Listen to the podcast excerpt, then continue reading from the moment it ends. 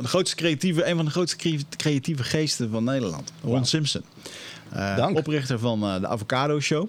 En eh, voor, ik kom uit Os, uit Brabant. Er zijn een hele hoop mensen die dit gewoon niet kennen, dit fenomeen. maar als je in Amsterdam woont of daar wel eens bent geweest, dan is het een van de hotspots die, ja, die afgelopen jaren niet alleen in Amsterdam is ontstaan, maar ook in de rest van de wereld. Mag je zo meteen van alles over vertellen. Zou doen? Eh, nou ja, we hadden het er net al een beetje over. Ik ken jou al veel langer eh, via vriend eh, Mark Derby. Mark, shout-out naar jou. Ik weet dat je af en toe ook wel eens een keertje kijkt of luistert, dus dat is leuk. Eh, en Robbie Timmers ook nog. Ja, Vroeger- zeker. Vroeger een groot eh, concurrent van Michel. Aardsvijand. Aardsvijand. Shout-out naar beide. Forums hadden en iedereen zijn plekje probeerde te veroveren. Eh, maar ehm, ja, je bent eigenlijk wel in mijn hoofd bekend als een van de hele, een hele creatieve marketeer. Ik weet niet of ik je daar tekort mee doe of dat het het goed Nee, eh, ja. noemt. Eh, en als ik dan aan jou denk, dan denk ik hippe feestjes, eh, Amsterdam, artiesten en, en al dat. Nou, vandaag de dag, Ja. Ik zei het net al gekscherend, eh, we hebben een soort van dezelfde pimp. Robert, sorry. Shout-out naar jou. Dat was een grap van Remco Klaassen die die maakte over, eh, over zijn manager. Dus, eh, dus ik geef hem nu door aan jou. Maar ja, je bent dus ook op het, het sprekerscircuit ben je, aanwezig. Je staat binnenkort aan Ahoy met Duncan Stutterheijn en Arie Boomsma en Ja. de Boren Nas volgens mij. Waanzinnige dingen. Ja, dan heb ik al een hele introductie aan je gegeven. Klopt. Maar Ja, hoe, zou je, hoe zou je jezelf benoemen? Hoe zou je jezelf... eh, Ehm, ja, ik ben gewoon een creatief man. En ehm, ik onderneem daarin, maar ik participeer daar ook mee. En soms bedenk ik het voor niks. Ja, het Ja. is gewoon, ik ben in, in principe gewoon iemand die eh, probeert ideeën te vormen en het leven gewoon steeds een stukje leuker wil maken. En Ja. de ene keer is dat zakelijk en de andere keer is dat privé. En soms geef ik het gewoon door. Ja. That's it. Ja, want de, de allure die dan een beetje om jou heen hangt. En ik had het net even met, met jou boven hier voordat we hier waren. Van Ja, als ik dan een rond, rond denk, dan denk ik aan een gast die gewoon doet wat hij leuk vindt. Dat is echt exact wat het is. Ja, ja want veel mensen kijken naar van ja, dat zou ik dan ook wel willen. Maar ja, dan denk ik, ja, maar je denkt, je denkt veel te moeilijk. Want, eh, en ook eh, uit het groepje waar je uitkomt, waar ik jou dan van ken, zijn allemaal gasten die gewoon samen toffe dingen willen doen. En, Klopt. eh, en, ook, en die het ook leuk vinden om een beetje buiten de boot te springen. En af en toe ja. Ja, kijk, het is vooral, het zijn mensen die doen wat ze niet kunnen laten. Mhm. Dat is het. het. Je kunt, ik denk dat iedereen meerdere talenten heeft en je kunt meerdere paden kiezen. en Je kunt meerdere banen kiezen, je kunt alles doen wat je wil, maar er zijn maar weinig dingen die je echt niet kunt laten. Wat, En, eh, wat was het eerste creatieve ding wat eh, is ontstaan bij jou? Dat is, eh, Kunnen we het niet over hebben? of, Jawel, ja, ja. dat was Hulk's slogan. Dat is, ehm, ik, ik maakte, en maak nog steeds trouwens, eigenlijk de hele tijd van die woordgrapjes. Echt best wel kut. en eh, mijn vrienden die zeiden op een gegeven moment, jongen, als je hier nou toch eens geld mee kon verdienen. En woordgrapjes, iemand die dat doet, is eigenlijk vrij vaak ad rem of kan met woorden spelen. Of weet je, het ligt heel dicht bij copywriting. En eigenlijk, zeker in die tijd, was dat er nog niet echt. Dus dacht ik, nou ja, ik ga gewoon slogans schrijven. Als jij een bedrijf hebt en je weet niet wat jouw Just Do It is of whatever, dan Ja. eh, kon je mij bellen en dan kwam ik op de fiets en dan gaf je me 100 euro of gulden, weet ik niet meer. Ja. En eh, dan on the spot schreef ik dingen voor je en ging ik weer weg. Ah, dat, was. En dat was mijn eerste ja, poging tot creatieve. Ja, en, eh, en hoe ben je, want uiteindelijk ging het een beetje richting de feestjes en eh, organisatie van dingen. Ja, eigenlijk is alles ongeveer per ongeluk gegaan wat, wat we ooit hebben gedaan. Vertel man, je hebt de tijd om het hier eh, uit te leggen. Ja, dat, oh, dat is wel leuk. Ehm, ja, dat is tof. Je hebt, ik kom inderdaad... eh, eh, mijn relevante leven begon in, eh, in Utrecht. Ehm, daarvoor woonde ik in andere steden en dingen. Maar dat, dat ja, maakte niet zo heel veel uit, behalve Geinen. Shout-out naar Nieuwegein. Ehm en een vriend van mij, die, die had bedacht... hey, ik, heb, ik zie dat ze feestjes geven op zondagen. Dat was toen echt not done. Niemand had er ooit van gehoord. Uitgaan was gewoon vrijdag, zaterdag en op donderdag studentenavond. Dat was het. En hij zei gewoon, ik ga op zondag feestjes geven. En iedereen zei tegen hem, je bent gek. Hij zei, nou, ik heb het gezien, het werkt in New York, dus waarom werkt het niet hier, zeg maar. Nou, misschien dat het Utrecht is. maar eh, ja, hij had wel gewoon gelijk. En hij, hij richtte een feestje op, Super Sunday heette dat. Die jongen eh heette Hetting, die ken je misschien wel van eh Jam Agency vroeger. Of nu ehm, onder andere tourmanager van... Nicky Romero. En ehm, hij heeft een heel tof label. Hij doet allemaal hele vette dingen. Anyway, hij had een feestje op zondag. En dat ging zo goed dat hij eigenlijk moest opschalen. Dus hij moest eigenlijk groter gaan. Maar om groter te gaan moest hij daar weg. En de eigenaar van die tent, die zag dat gebeuren van... oh nee, de meest succesvolle dag die hij had was de zondag ineens. Ik wil niet dat hij gaat. Dus ja, om hem te laten blijven zei hij... weet je wat, Eh, hier, doe anders mee in deze tent. Gewoon, hier heb je een stuk van de club en programmeer het maar en doe maar alles wat je wil. Wat? Heeft iemand je een club gegeven? Hoe kan dat? Dat werkt toch helemaal niet zo?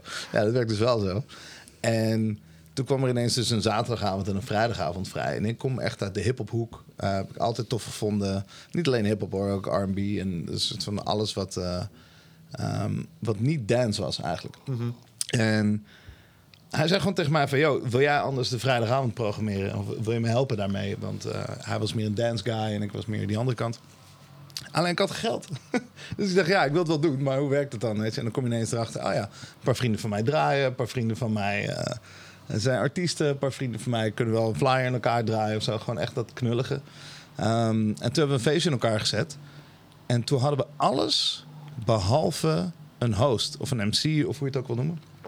Dat was er gewoon niet. Er lag wel een microfoon. En uh, voor degene die dat niet weten, ik ben half Engels, dus Engels was voor mij heel makkelijk. Um, dus toen dacht ik, ja, ja, ik, kan, ik heb al geen geld om aan mijn vrienden te geven. Waarom zou ik een vreemde inhuren om dit te doen? Ja. Dus toen pakte ik de mic zelf en um, dat was zo makkelijk en gratis. Vooral gratis. Dat uiteindelijk is daar gewoon echt een hele gekke basis uh, gelegd. Um, en kwam ik erachter van, oké, nou dit ga ik gewoon elke week doen. En op een gegeven moment werd ik ook gevraagd om dit op andere plekken te doen. En um, als je feestjes geeft, dan verzamel je echt hele leuke mensen om je heen. En op een gegeven moment is dat zo groot dat als je ergens anders feest geeft, dat die mensen gewoon meegaan. Mm -hmm. En dat is best wel tof. En zo begon het eigenlijk allemaal. En mijn overstap naar Amsterdam, van Utrecht naar Amsterdam, ging dus gepaard met een switch. Ik ging van die club waar ik eigenlijk aan het knutselen was met een microfoon, uh, werd ik gevraagd om uh, Girls Love DJ's te doen in Amsterdam. En dat was echt een legendarische uh, ja, organisatie, groep vrienden um, die een DJ-act ging beginnen. En daar zaten feestjes en festivals aan vast en allemaal gekke dingen. Dus het was eigenlijk makkelijk. Ik kwam Amsterdam binnen. Um, de, de, eerste dag dat ik daar woonde, zat ik al in het partycircuit. Mm -hmm. Dus het, het, was gewoon ja, één op één. En die feestjes waren echt onvergetelijk als je die beelden terugziet. Het is echt, echt unbelievable. En dan ja, op een gegeven moment word je gevraagd. En toen ging ik de Jimmy Woo programmeren op vrijdag. Nou, dat was, dat was gewoon goud. Dat is echt alles wat ik wilde met iedereen die ik kende elke week. Ja, ja. Het, het, was er ook gewoon niet. Wat, wat wij wilden was er niet. Ik werkte met merken. Ik, um, ik kende hele toffe artiesten. Maar ja, dat stukje creativiteit. Weet je, iedereen denkt altijd dat je compleet nieuwe dingen moet verzinnen. Maar soms zijn het gewoon hele kleine veranderingen. Als het je lukt om een rapper te laten DJ'en, dan is dat al iets anders. Dan is het al nieuw, zeg maar. En als het je lukt om een merk dat alleen maar hele grote festivals sponsort... of hele moeilijke grote dingen doet... om daar een activatie mee te doen van 100 man, dat is nieuw. Weet je, dat is gewoon leuk. En dat was het. Wij zochten gewoon manieren om dingen mogelijk te maken... die je niet echt voor mogelijk hield. Um, mm. Artiesten binnen te krijgen, entertainment acts... allerlei dingen die onbetaalbaar waren voor zo'n kleine club... gewoon mm. te overtuigen door te zeggen dat het echt heel erg leuk is... en daar een creatieve swing aan te geven en te zeggen bijvoorbeeld wij zaten altijd een beetje aan de cutting edge van content. Um, iedereen maakte gewoon party pictures. Dat was gewoon heel normaal. We kennen al die websites nog van vroeger. Maar Partyvlog had je toen. Hè? Oh, je had die, die Party Peeps Party 2000. Party jij waarschijnlijk Party Peeps 2000 was van een vriend van mij en zijn uh, broertjes. En sowieso shout-out naar Ruben Fernhout van de Party Squad... die de vader is van alles. Um, maar inderdaad, ik had account nummer 129 oh, op wow. Party Peeps. Oh shit. Ik was echt heel... Early adapter. Early adapter, ja. Maar waar het om ging, was die foto's waren verschrikkelijk. Toch? Het was gewoon iemand met, een, met zo'n flits in je, in je mikken. Dan kreeg je zo'n kaartje en dan ja, kon je... Ik weet het nog. Goud concept. Dus de seconde dat je daar iets nieuws in doet... Oh, ik weet nog dat hetzelfde trucje wat Instagram deed... of eigenlijk wat... Hoe heet het bedrijf voor Instagram ook weer? Nee, um, Instamatic... Ik weet niet wat het is. Voordat het een social media platform was, was het een, een filter app. Ja. Oh. Hipstamatic, zo heette dat. En het, eigenlijk het enige wat zij deden was, was, gewoon goed photoshoppen op foto's, maar dan met één druk op de knop. Ja. En dat deden wij ook met beelden. Dus die partypics waar je nooit goed op stond, um, daar klikten wij gewoon een filter overheen. En iedereen zei, oh, dit is eigenlijk een stuk beter. En um, wilde die foto's hebben. En de manier waarop wij flyers schoten, dat, dat werd gewoon iconisch bijna. Mm -hmm. um, vrouwen wilden bij ons op de flyer staan ineens. En we maakten super sikke aftermovies. En dat was eigenlijk allemaal onmogelijk. Dat was reclamebureau level, veel te dure shit. Mhm. Maar omdat wij het netwerk hadden en die gasten kenden... en ze gewoon elke week uitnodigden... zeiden we, "Joh, wil je niet één keer voor ons gewoon dit doen? Ja, natuurlijk gaan we gewoon een keer doen. Nou, als je weet dat er zo'n filmpje uitkomt... kun je ook naar een hele grote artiest en zeggen... hey, wil je zo'n filmpje van jezelf? Want, weet je, ik faciliteer het allemaal wel. Kom maar gewoon. Ik Ja. verbind jullie en dan... Mm. En dat is eigenlijk hoe wij, niet ik, maar wij, eh, legendarische avonden hebben gemaakt in, eh, in Amsterdam. Vijf, zes, zeven jaar lang. Die ik nooit meer zal vergeten. Ja, gewoon gunfactor. Gunfactor, een paar vrienden en een hoop enthousiasme. En een klein beetje creativiteit, man. Als het je lukt om iemand iets te geven wat ze nodig hebben. En, en zeg maar, als je geen geld hebt, heb je wel wat anders, toch? Er is Ja. altijd wel iets wat iemand wil. Ja. Het is gewoon Ja. deal maken. Ja, ik kon heel veel win-win denken. Ja. Gewoon vanuit enthousiasme en eh, eh, omdat het vet is, omdat het leuk is, er ook een deel van willen uitmaken. Ik hoor sterk communitygevoel ook. Het is een soort in-crowd en die gaat elkaar op een gegeven moment ook dingen gunnen. Die gaat elkaar helpen met shit op poten Ja. zetten. Maar het is ook heel gek als jij een artiest bent, nu al helemaal, maar toen ook. ehm, het is gewoon lastig. Weet je. Mensen vallen je lastig. Het is altijd gedoe en je wil niet in de rij staan. Het is allemaal eh, dat. En wij hadden heel veel vrienden met dat soort functies. Dus of het nou sporters waren of, of entertainers of whatever. Die willen aan de ene kant heel normaal behandeld worden, maar die willen gewoon dat het logistiek vooral heel goed geregeld is. Ja. En dat was het bij ons. Dus het was gewoon een soort van buurthuis waar we goed voor je zorgden. En als jij een high-profile person was, dan zorgden we daarvoor. En als jij gewoon een leuke partygoer was, dan zorgden we dat je alles kreeg wat jij nodig had. Het was gewoon cool. Iedereen kreeg wat hij zocht en daardoor was er een soort van magie. Ja, mooi. Ja. Het is wel grappig om de tijd van eh, social media in die tijd. Nou, we hadden het net over forums. Ik, heb ook op, ik zat dan niet op de party peeps. Ik was de andere, ik was de raver, dus ik zat op partyvlog. Yes. Maar eh, de uren die ik daar heb gespendeerd, jongen. En inderdaad, foto's zoeken. Wachten totdat die foto's online kwamen. Want je was gisteren Ik kan me gewoon gefotografeerd, weet je wel. foto's van jou herinneren uit die tijd. Vanuit je party scene. Ik denk dat je ook wel weet welke. Eh, nee. Die ene die ook nog een tijd op je pinpas hebt gehad, is de eerste die naar boven komt. Oh, die, ja. ja, ja dat waren, ja. Dat waren, eh, eh, ja. Die geheimen ja. onthuld. Ah, nee, nee, nee. Dat is gewoon typisch wat je mag verwachten van festivalfoto's. Ja, Mm. eh, dat eh, waren Past in het IDT-boek. Dat waren, ja, dat waren goede foto's inderdaad, ja. En, maar vooral, het, ehm, ik weet nog wel dat daar in die tijd, had, je- had ik ook een leeftijd, dat het ook echt alleen maar daarom draaide. Dat je je door de week druk zat te maken over dat je geen nieuw t-shirt had om zaterdag uit te kunnen. En ik weet dat mijn studiefinanciering ging dan daar aan op, weet je wel. Dan ging je even naar Arnhem om een shirtje te kopen. Dat was dan gewoon je dagelijkse gang van zaken. dat is zeker mooi. Als ik daar nu naar kijk, dan denk is ik, toch mooi. Damn, jongen. En dan, eh, eh, maar goed, ik heb, ik heb wel van de zijlijn meegekregen welke feestjes jullie daar gaven. En, eh, het was niet mijn scene. Ik zat helemaal niet in de R&B en hip-hop dingen. Maar het Girls, Girls Love DJ's in Jimmy Woo. En, en eigenlijk is, is vanuit daar kwamen steeds meer van dat soort feestjes. Ook die zondagsfeestjes. Dat kwam op een gegeven moment ook in de Matrix in Nijmegen en zo. En overal werd dat in één keer zo'n ding. Dus dat was zeker wel een... eh, ik vond dat een mooie tijd in de, eh, in de dance scene. Ja. Ik ook. Ehm, voor, zover, voor zover je het kan vergelijken, want het was gewoon onze tijd, weet je wel. Ik had ook graag Ja. de Roxy mee willen maken 20 jaar geleden of 30 jaar geleden. Eh, dat was weer een andere mooie tijd. Maar dit vond ik ook wel wat moois. Ja, ik denk dat uitgaan altijd te maken heeft met de regels van dien. Weet je? Ja. En, ehm, de Roxy-tijdperk, ja, daar kon gewoon veel meer. Je was aan het roken in de club, drugs was bijna praktisch geaccepteerd. Het Was verplicht. Ja. Het was verplicht, ja. Weet je, er kon echt van alles. En als je er niet was, dan kreeg je het ook niet mee. Er was, weet je, hoe Ja. weinig foto's zijn er van de Roxy? Hoe weinig Ja, video's zijn er van de Roxy die mensen nu nog kennen? Ik ken genoeg mensen die die term hebben gehoord. Roxy is wel echt zelfs nog voor een generatie boven mij. Dat is echt Ja. al lang geleden. Ja. Maar het is wel legendary. Alleen niemand weet eigenlijk hoe dat eruit zag. Nou, nu... ehm, Zat, zat er helemaal niks van in jullie feestjes dan? Ik hoor je zeggen, ik ben een fan van eh, de urban lifestyle. Daar worden ook wel met excessen gewuifd in de clips. Drugsgebruik, mooie vrouwen. dat is best wel iets van de laatste tijd of zo. Is dat man. zo?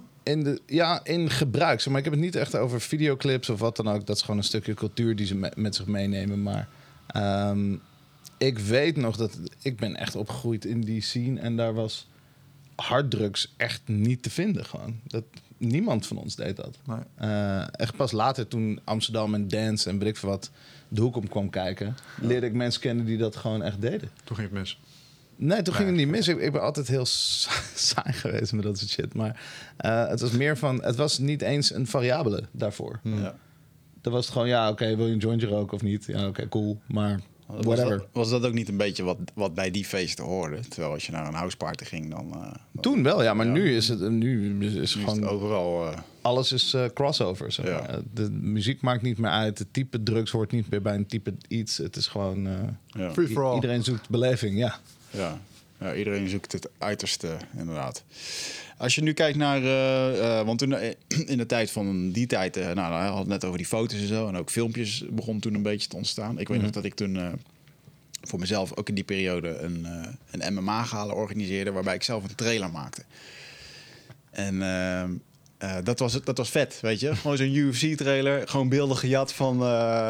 dat zo'n satelliet, ja, zo dat, tju- dat, helemaal dat werd nu... Volgens mij staat hij... Dat is heel bijzonder. Hij staat volgens mij nog steeds op YouTube. En ik heb geen idee waarom hij nog nooit offline is gehaald. Allemaal beelden gewoon gejat. Gewoon Van, analoog nog. zelfs ergens. Fedor komt erin voorbij, weet je wel. Die toen in Pride vocht in Japan.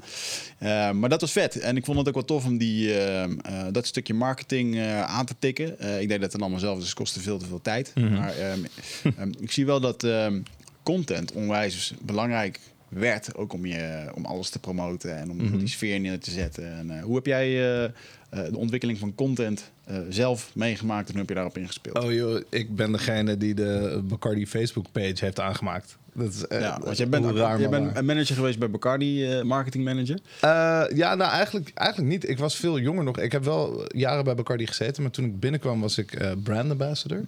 Ehm, dat betekende eigenlijk dat ik de verhalen van Bacardi moest vertalen en vertellen naar de pers, naar de bartenders, naar de, de consumenten, naar whatever, op allerlei evenementen, leuke, leuke dingen. Ehm, en pas daarna werd ik digital marketing manager. Ehm, maar die functie is toen gemaakt. Ze hadden geen idee en er was gewoon nul. Het was allemaal above the line. Het was alleen maar print en tv en dat soort dingen. En eh, ineens werd het digitaal. Dus dat was best wel geinig. Dus ik heb heel bewust voor een gigantisch wereldmerk ehm, de eerste stappen mogen zetten. Eh, en dat is echt heel vet. Want dan krijg je je krijgt toegang tot de grootste kennis en breinen van dat spel. Mhm. Maar niemand weet iets. Dus ik, ging, ik vloog dan naar Londen of naar New York of zo. En dan zat ik met de head of YouTube en allemaal zo van super hoge eh, guys bij Google. Die mij dingen aan het uitleggen waren. En dat nam ik dan mee terug. En dan moest ik dat uitleggen bij Bacardi op kantoor. En dan, ik praatte Chinees. Ze hadden gewoon geen idee. Waar heb je het überhaupt over? Weet je, hoe, hoe zit het in elkaar? En de generaties van nu is zo gewend dat alles eh, al klopt. Maar vaak is dat niet zo. Ik bedoel, eh, Twitter in het begin was hetzelfde als Facebook. Je had helemaal geen beelden. Je schreef alleen tekst. En dan ineens kon er een foto. En dan ineens kon er een video. En dan ineens kon er... Weet je, het was allemaal heel stapsgewijs. Dus dat vond ik wel grappig. Omdat ik was best goed in copywriting. Dus in principe was ik eh, aan het begin van social media juist heel sterk. Daar waar als je geen beeld mag gebruiken, eh, zie je gewoon minder gebruikers. Twitter vinden mensen veel moeilijker om te doen dan eh, Instagram, waar ze gewoon plaatjes uploaden, weet je wel. Dus dat is eigenlijk best wel grappig. Dus het begon op mijn sterkte en toen mocht ik doorontwikkelen. ehm gingen we op zoek naar de verhalen en hoe vertaal je dat dan naar beeld en eh, wat doen mensen daarmee en hoe reageren ze erop? En dan later wordt het niet alleen video's maken, maar het wordt ook advertenties maken en allemaal soort van gekke nieuwe vormen van dingen. Eerst was het alleen banners, ineens heb je pre-rolls, ineens heb je allerlei manieren om te communiceren. Dus dat vond ik heel tof. Ja. Maar dat gebeurde ook ehm, privé. Dus zelfs de, de, eh, zoals we zeiden, de, de partypics van het feestje waar je naartoe ging, die maakte ook een evolutie mee. Ja. En die broekzak van je, waar die telefoon in zit, dat was ineens het meest belangrijke ding dat je had. En, Ja. en alles ging daarin meetellen. En dat vond ik heel vet. En ik ontdekte eigenlijk dat daar een formule achter zat. Heel jong ontdekte ik dat. Ik, ik probeerde gewoon te vatten waarom werkt content wel en waarom werkt content niet. En dat is iets wat ik nog steeds elke week probeer te doen. Want ik, ik heb forever een gevecht in mijzelf tussen ik wil alles bijna over Hollywood produceren, zeg maar. Het mooiste, het beste en het vetste. Ehm, maar de meest virale dingen zijn gewoon geschoten door een Schoonmakers. ja, schoonmaker of, of een iPhone. Weet je, het doesn't matter. Ja. Dus het, het concept zal dus, of, of ja, het onderwerp zal dus altijd belangrijker zijn dan de productie. Ehm, dat is één. Maar vervolgens, als je daar productional value aan toe kunt voegen, dan kun je een home run slaan. Zeg maar. Dat vond ik altijd heel interessant. Mm. En eh, ik kwam erachter hoe snel we aan dingen wennen. Dat vond ik echt bijna weird. In het begin vond ik het super vet als ik, ehm, weet ik veel, een custom filmpje zag. Of de eerste keer dat ik een filmpje zag waarbij ze mijn naam in het scherm hadden. Weet je wel, dat soort simpele dingen die toen uitkwamen. Dat ik dacht, what the hell. Maar dan ben je binnen twee weken aan of zo. En dan heb je er drie gezien en dan vind je het allemaal wel oké. Dus toen dacht ik, hoe kan ik die gewenning tegengaan? En toen heb ik dus een soort van formule in mijn hoofd ontwikkeld... die ik nu nog steeds gebruik. En dat is ehm, een opstapeling van dingen die je nooit meer in die formule tegen gaat komen. Je gaat ze nooit meer in die combinatie, in die samenstelling... ga je dat nooit meer vinden. En dat maakt dit uniek en dat geeft het urgentie... En daarom is die content goed. Hmm. Of de invite goed, of de promo goed, of wat dan ook. Kun je het concreet maken met een voorbeeld? Zeker. Ehm, wat ik daarmee bedoel is... Ik hou bijvoorbeeld heel erg van eten. ehm, in elke vorm. Ik vind het leuk om het te koken. Ik vind het leuk om het te eten. Ik vind uiteten leuk. Maar ik vind het vooral leuk als je heel veel mensen bij elkaar hebt... Mhm. en je doet iets bijzonders. Hoe vaak, of hoe weinig eigenlijk, doen we dat? Het zijn bruiloften of zo... waar je echt met honderd bekenden eet. Weet je, maar je doet het eigenlijk bijna nooit. Ik dacht, ik wil dat gewoon zo vaak mogelijk doen. En ik woonde boven een restaurant. En eh, het was een Italiaans restaurant met een Amerikaanse vrouw. Die Amerikaanse vrouw die zei een keer tegen mij... ik maak de allerbeste fried chicken in the world. Maar mijn Italiaanse chef, man, die haat het als ik dat doe... want het restaurant stinkt twee dagen naar frituur. Toen zei ze, maar de eerste keer dat hij weer, weet ik veel... zijn moeder op gaat zoeken of op vakantie gaat of zo, of op reis... dan ga jij en ik gaan hier gewoon kip maken. Ik zei, yes, zin in. En ik proef die kip. Ik zei, ah, je hebt gelijk. Dit is echt het beste ever. Al mijn vrienden zouden dit moeten proeven. En eh, ik gaf toen al feestjes. Ik had toen al mensen om me heen. Dat was al helemaal cool. En toen dacht ik, nou, dit wordt, dit wordt makkelijk. Ik typ gewoon een berichtje. Er staat, jongens, ik heb een restaurant eh, afgehuurd. We gaan met z'n allen de beste kip van de wereld eten. Koop je tickets hier, want het moest op een of andere manier wel betaald worden. Klaar. En ik, ik doe dat online en ik verwachtte echt, oké, nou, dan, dan zijn we er. Ja, echt niet eens één ticket verkocht. Zo, niks. Helemaal geen reacties. Ik dacht, hè? Toen besefte ik me een paar dingen. Eén, ik ben excited door alle dingen die ik weet. En zij zijn niet excited door alle dingen die ik niet heb verteld. Ja. Maar ik kan ook niet het hele verhaal vertellen, want niemand gaat het allemaal lezen over de buurvrouw en de man en dit en dat. Dus, zo, dus toen dacht ik, wat kan ik doen om het schijnbaar nog gekker te maken? Toen dacht ik, oké, kip is interessant, maar chicken and waffles is een hele rare fenomeen, gerecht, stuk cultuur uit Amerika. eh, dat wel een soort van internethype had, maar niemand had het eigenlijk ooit echt gegeten. Dus je kon het amper krijgen in Amsterdam. Dus dacht ik, nou oké, dan doen we dat. Dus ik stop die lekkerste kip die er is op een wafel. Dat is al weird. Dus als je ooit al dat een keer hebt willen proberen, dan vind je dit wel interessant. Dat is variabele 1. Variabele 2, ik moet benadrukken dat het hele restaurant van ons is. Er zijn geen andere mensen. Dus private dinner. Oké. Dan dacht ik, wat is nou echt raar als je fried chicken gaat eten? Ik heb nog nooit fried chicken gegeten met een smoking aan. Oké. Het wordt black tie dresscode om dit te eten. Dus je moet in black tie komen naar een privé-restaurant waar je chicken en waffles gaat eten.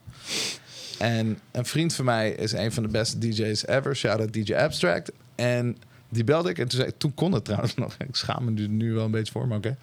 Zei ik, wil jij vier uur lang alleen maar R. Kelly draaien? Alleen maar R. Kelly shit, hits. ja. Dit was voor al het gezeik. Oh, Dus dat wisten we toen nog niet. Maar ik bedoel, R. Kelly is los van wat we allemaal van hem vinden nu. Dat, dat is één ding. Maar het is een artiest met echt, weet ik veel, twintig albums of Ja, het zo. is een R&B hoeksteen, klaar. Ja, Ja. en hij had onwijs veel liedjes. Maar je hoorde eigenlijk de hele tijd maar dezelfde vier, vijf liedjes in de club. En ik dacht, nou ja, wat nou als je gewoon de hele avond alle albumtracks, alles wat je ooit een keer hard hebt willen horen, dat gaan we draaien. Je hebt de smoking aan en we gaan chicken and waffles eten in een privé-restaurant. Dan ineens is hetzelfde evenement Ja. duizend keer aantrekkelijker. Omdat je FOMO vormt of weet je, je denkt van, Mm. huh, wow, dit gaat echt letterlijk nooit meer gebeuren. Dat weet ik nu sowieso zeker. Dat gaat echt nooit meer gebeuren. Ja. Ehm, toen zette ik het online. Toen was het in vier minuten uitverkocht. En toen dacht ik, ah, oké. Dit werkt niet alleen voor promotionele dingen... maar dit werkt eigenlijk ook als ik zelf een boodschap heb dat ik wil vertellen. Mm. En ik kwam erachter dat de mooiste content... de meest mooi geproduceerde, doordachte, kunstzinnige... prachtige content... haalt de minste likes. Ja. Mhm. ja, herkenbaar. is gewoon feit. En het is niet alleen voor mij of voor jou, het is voor everyone. Want je moet daar de tijd voor nemen. En je moet je erin verdiepen. En je moet verbanden zien. En je moet smaak hebben. En je moet Mhm. alle, weet je, dat is best wel ingewikkeld wel. Lekker plat, dat werkt gewoon. Ehm, en toen dacht ik, oké, dus als ik een boodschap wil uitdragen of wil vertellen, dan moet ik dat niet super mooi maken. Ik moet dezelfde formule gebruiken. Waarom lees je dit? Waarom? Weet je, gewoon die vier variabelen erin rammen, waardoor ze denken: oh ja, dit wil ik lezen, want dit is bijzonder gek of ga ik nooit meer zien. Of, Ja. En wat waren die vier waar je het net over had?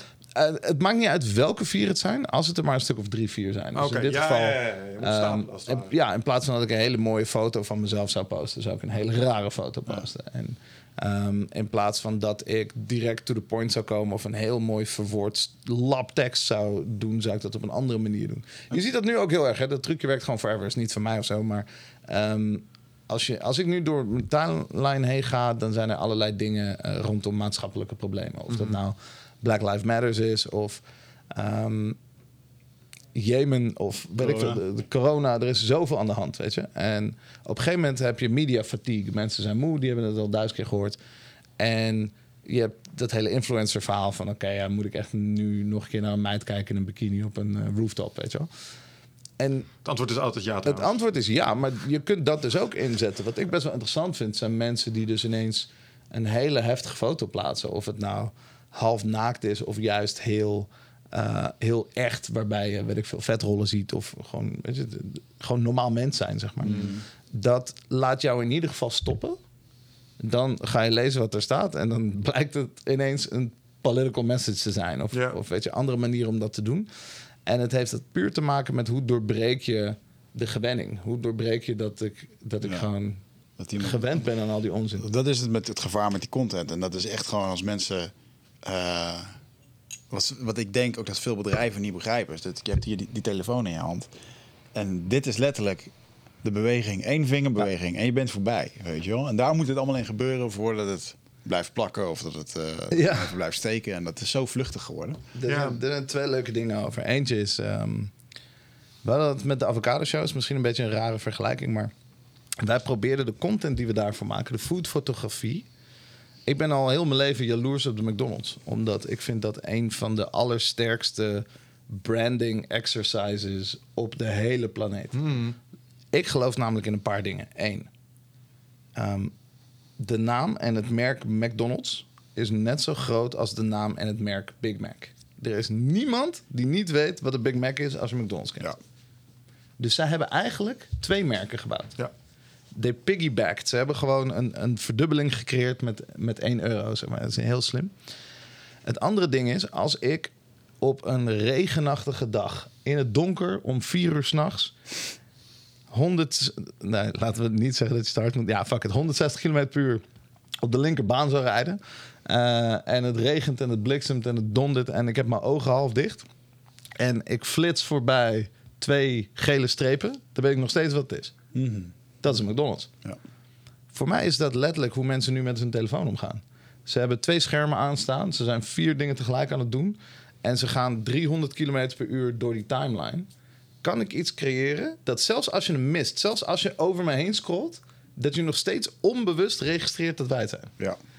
En zo hebben we eigenlijk de foodfotografie in elkaar gezet. Van oké, we hebben altijd eh, groene plant walls, we hebben een eh, roze bank, we hebben donkere ondergrond, we hebben heel kleurrijk eten. Dus er is geen poespas, geen allerlei garnering of shit eromheen. Er zitten geen borden onder. Het is echt puur het product in een decorsetting die de hele tijd terugkomt. Ja. En dus is het herkenbaar. Daarom watermerken wij onze beelden ook niet, omdat je het al ziet. Het kan niet iemand anders zijn. Ja. Ehm, en dat vind ik zo interessant, wat jij zegt van inderdaad, weet je, mensen gaan er gewoon maar doorheen. Maar er zijn dus manieren om ze of te laten stoppen, of zelfs als ze niet stoppen, ehm, om het onderdeel te laten zijn van herkenning. Onbewuste awareness is, is fantastisch. Ja. Ja. Dat is te vormen. Dat Ja. is best wel cool. Wat, wat vind je van, eh, want het zijn een pa- een paar dingen die ik heb gezien als het gaat om marketing. Eh, Mhm. neuromarketing onder andere ook. Mensen Ja. zijn echt supergoed in mooie, eh, mooie plaatjes schetsen. En het meest, meest markante voorbeeld daarvan ken je misschien ook wel. eh, Als, je, als je nou kijkt naar wat marketing en, en slimme branding en dat soort dingen hebben gedaan. En Ja, hoe, je dat, hoe je dat kunt neerzetten. Fuck Jerry. Wat is eh, Firefest? Help me even. En de rest van de luisteraars die het niet begrijpen. Eh, maar, vertel je maar. Eh, Firefest is het allermooiste, nooit plaatsgevonden festival van de wereld. Ah ja, zo, ik het weet is het. het to- totaal Ja. geflopte... Ik heb decorbouwers in eh, Bali of Thailand, waar ik toen was gesproken, die, Die zeiden van misschien moeten we daarheen, maar misschien ook niet. En die moesten daar een decor gaan bouwen en uiteindelijk is dat nooit, Ongekend. eh, ja. Ongekend. Maar, ehm, los van de dramatische productie, het idee was goed. Dat is Ja. één. Ja, heel dik. Ehm, en de promotie en de communicatie kwam van Fuck Jerry. En Fuck Jerry is een van mijn favoriete dingen op aarde. Ehm, dat is gewoon letterlijk een Instagram meme-account dat een gigantisch eh, communicatiebureau is geworden. Omdat zij gewoon het internet zo goed begrijpen. En eh, die hebben daar gewoon een homerun geslagen en zijn daarna helaas... Ze hebben een iets geslagen voor, eh, voor een idioot. Ja, oké, nou, kan gebeuren, maar vond ik wel weer tof of zo. Ja. Ja. Wat, wat hebben die lui begrepen? Wat, waarom, waarom sloeg dat zo aan, die marketingcampagne? Wat deden ze goed? Ze hebben een droom verkocht. Ze hebben letterlijk wat ik net zei met die formule. What if you take a private island in de Bahamas? En ze hadden ook nog het lulverhaal dat het het oude eiland van Escobar was. Ja, Dus ja, het ja, ja. oude privé-eiland van Escobar. Check. Dat was mijn privé-restaurant. zeg maar. Alleen dat is al tof. Dat ja. is al, ja, Ja. dan heb je, you, you have my attention. Oké. Met een line-up waar je u tegen zegt. Nou, dat was mijn chicken and waffles, zeg maar. maar ja, ja, ja. Zij kwamen echt met belachelijke namen. En het was niet één hoek. Ze hadden alles van Blink 182 tot, zeg maar, weet je, tot dance, tot, tot hip-hop grootheden en, en alles wat er speelde. Oké. Vervolgens hadden ze de allergrootste eh, modellen en influencersterren van de wereld. De Kylie Jenners, letterlijk van de wereld. Daar gingen ze met z'n allen gezellig promo-shoots mee doen. Dus het was niet, oh, iemand post een flyer. Nee, ze vlogen die meiden allemaal naar de Bahama's en maakten filmpjes op jachten. En zeiden basically, oh, je kan hierbij zijn. Koop nu een cabana van 50.000 dollar of zo. Ehm, en iedereen dacht gewoon, wow, ik kan partyen met supermodellen op het oude privé-eiland van eh, Escobar. En de, de- er zijn alleen maar supersterren. en fuck it, I'm in. Ja. Weet je? Ja. Waarom een huis kopen als ik dit ook kan doen? Ehm, dus ja, wat dat betreft, they sold the dream. En die, dat is precies hoe die formule werkte. Sterker Ja. nog, ik ben dus een keer voor Bacardi op een feest geweest waar dit wel is gebeurd. Eigenlijk. Dat heet de Triangle. Dat is iets wat heel veel mensen hebben gemist. Maar het is super sick. Jabbo kent het. Nou ja, ik werd dus gebeld. En ehm, ik werd gebeld door, door mijn vrienden bij Bacardi. Ik was daar al inmiddels een paar jaar weg. En die, die kwamen ook met zo'n formule op mij. Die zeiden ineens, yo, ehm, we gaan met een eh, eh, privéjet naar een privé-eiland in de Bermuda-driehoek. Waar we de verjaardag van Kendrick Lamar gaan vieren met eh, Calvin Harris en Ellie Golding. Ehm, drie dagen lang met alleen maar gigantische wereldsterren. Wil je mee of zo? Dus, Sorry, wat? Ja, nee, laat maar uit. Ja, precies. Ja, dat is bizar. dus dat is een nacht geworden, jongen. Dat is echt, echt hilarisch. Uiteindelijk, ik mocht dan ook nog wat mensen uitnodigen en vrienden meenemen. Dus ik, ik ben daar geweest met Geza Weiss en Manuel Broekman en allemaal soort van gestoorde leuke mensen. Ehm, en ook volgens mij Rianne Meijer was mee, Tess Milne was mee. Het was gewoon één grote soort van party gestoordheid. Maar die, die kreeg ik dus alleen mee omdat we dat hadden. Als ik gewoon had gezegd, ja, we gaan naar een Bacardi feestje. Dan denk je, ja, Gaan ja. Tessel. Ja, nou, we gaan toch wel gaan cocktails drinken ergens. Nee, maar deze, weet je, die, die zaten er gewoon helemaal in.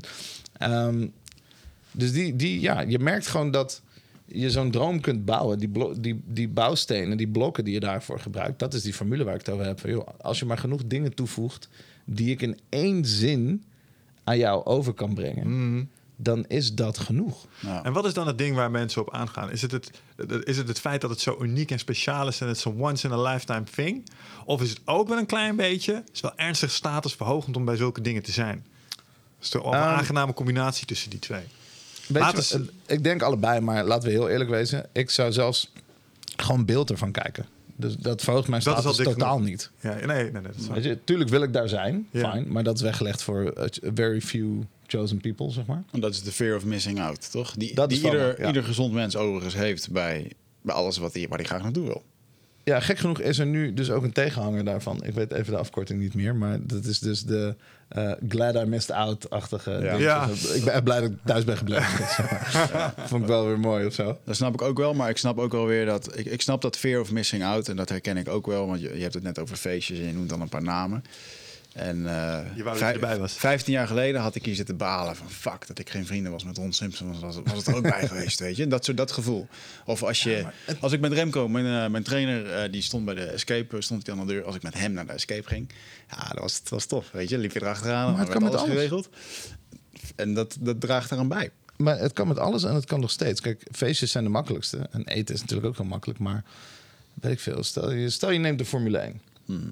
Formule 1 is ook echt een bizarre wereld. Daar ben ik ook een paar keer geweest. En het is eigenlijk altijd dezelfde spiel. Het is een soort van super over the top uh, uh, luxury aan de ene kant als je in het paddock hangt, zeg maar. En voor de rest komen daar gewoon honderdduizend mensen op af die, die staan te zwaaien met sjaals, zeg maar. En ja. dat, daartussenin zit een gigantische gap. Maar eigenlijk gebeurt er geen kont, behalve die race. Ja. Alleen ze rekken dat uit forever. Maar stel dat je gewoon één simpele creatieve verandering zou mogen maken aan van alles. Dus je zou zeggen: Oké, Formule 1, alle uh, drivers, maar uh, er is een race waarbij ze allemaal tegelijkertijd op dezelfde lijn starten. Maar ze racen achterwaarts één lap. Kijken wie er wint. Ja. Sorry, dat vind ik nu al interessanter dan ja. aanwezig zijn op Zandvoort om de Formule 1 te kijken. Ja. Want, want het gebeurt niet. Ik zou, dat ook, ik zou erbij willen zijn, maar ik zou het ook online willen kijken. I don't care. We moeten jou eens loslaten op het hele UFC-concept. Ben benieuwd wat voor een creatieve verandering je daar is aan aanbrengen. Is, is ja. de, vind je de UFC, uh, ken, je, ken je als Ja, ken ik. Vind je, het goed? vind je het goed wat zij uh, als marketing uh, doen? Want ja, natuurlijk, wat ze doen, ze zijn gigantisch gegroeid. Ze zijn gigantisch, ja. En wat bij hun de, de factor werd, was op een gegeven moment de Ultimate Fighter Series. Waarbij ze acht gasten in huis stopten om uiteindelijk een contract te laten winnen. Mm -hmm. dat, heeft, dat heeft echt wel gezorgd voor de mainstream acceptatie. En, en dat ze op de ja. normale, niet betaalde televisie kwamen. Dus geen pay-per-view uh, dingen. Maar wat, uh, als jij daarnaar kijkt, wat, wat, wat, zie je dan? Ja, kijk, het enige wat ik niet, nog niet heel goed begrijp bij UFC is echt doelgroep en wat ze nou proberen te bereiken. Daar heb ik me gewoon niet in verdiept. Mm -hmm. um, dus daar kan ik niet echt iets zinnigs over zeggen. Maar wat ik wel weet is dat zij. Zij weten wel wat de mensen willen. Zij weten die spark wel te vinden. Ik persoonlijk vind dat het wel iets minder uh, gesponsord mag zijn. Of zo. Ik vind het echt een stickerfestijn ja. elke keer. Ja. Um, This round is brought to you by Bud Light. Bud Light. Ja, dat, dat. Maar ja. gewoon overal waar je kijkt zit, uh, je, het is allemaal... Het doet me altijd denken aan hoe heet die gast die paf doet met die... Uh, die Belgische keeper of zo. Jean-Marie. Uh, ja, die gast ja. die dan een levenscontract heeft getekend... waardoor hij altijd een sponsor op zijn kooltrui heeft. Nou, uh. veeg maar. Heb je dat nooit meegemaakt? Nee, nou, oh, wow. Er is dus een gast... Is, ja, Jean-Marie Pfaff, ja. Een levenscontract. Die, die, heeft gewoon in elk shot... of het nou een interview is... of gewoon uh, zijn kleinzoon is geboren... of hij zit in een serie... moet hij een kooltrui aan met, met een soort van... weet ik veel, oliefabrikant op zijn... Elke keer is wat anders. Nou...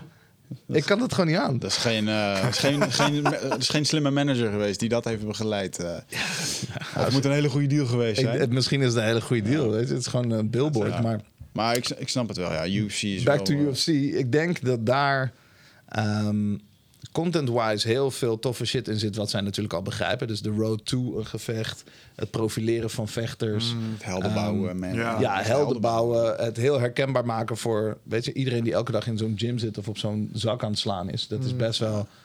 Uh, je hebt discipline nodig daarvoor. Dus je moet geïnspireerd worden. Weet je, dat is allemaal wel vet. Wat ik misschien nog wel interessanter zou vinden... is om echt het verhaal van de rest ook te weten eromheen. Van oké, okay, praat nou eens echt met me over... noem maar wat voeding of uh, compensatiegedrag bijvoorbeeld. Die gasten die winnen, die rijden allemaal Ferraris en shit. En dat is logisch. Maar er wordt niet over gepraat. Ja. Ze vertellen niet waarom.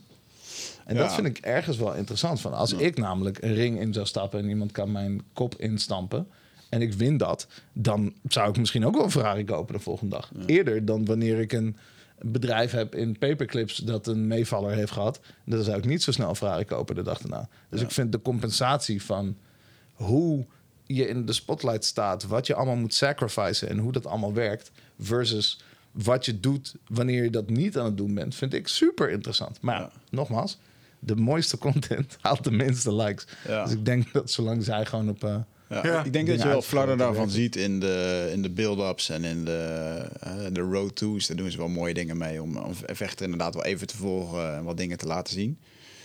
Um, maar ik, ja, ze hebben natuurlijk zo ontzettend veel evenementen. Vroeger was het ja. gewoon één, één evenement in een half jaar of in drie maanden. Dan, dan bleef je voorop. En nu kijk ze niet eens meer. Ik kijk wel eventjes op, uh, op internet wie er heeft gewonnen. Ja, zijn nummer is er zelfs, toch?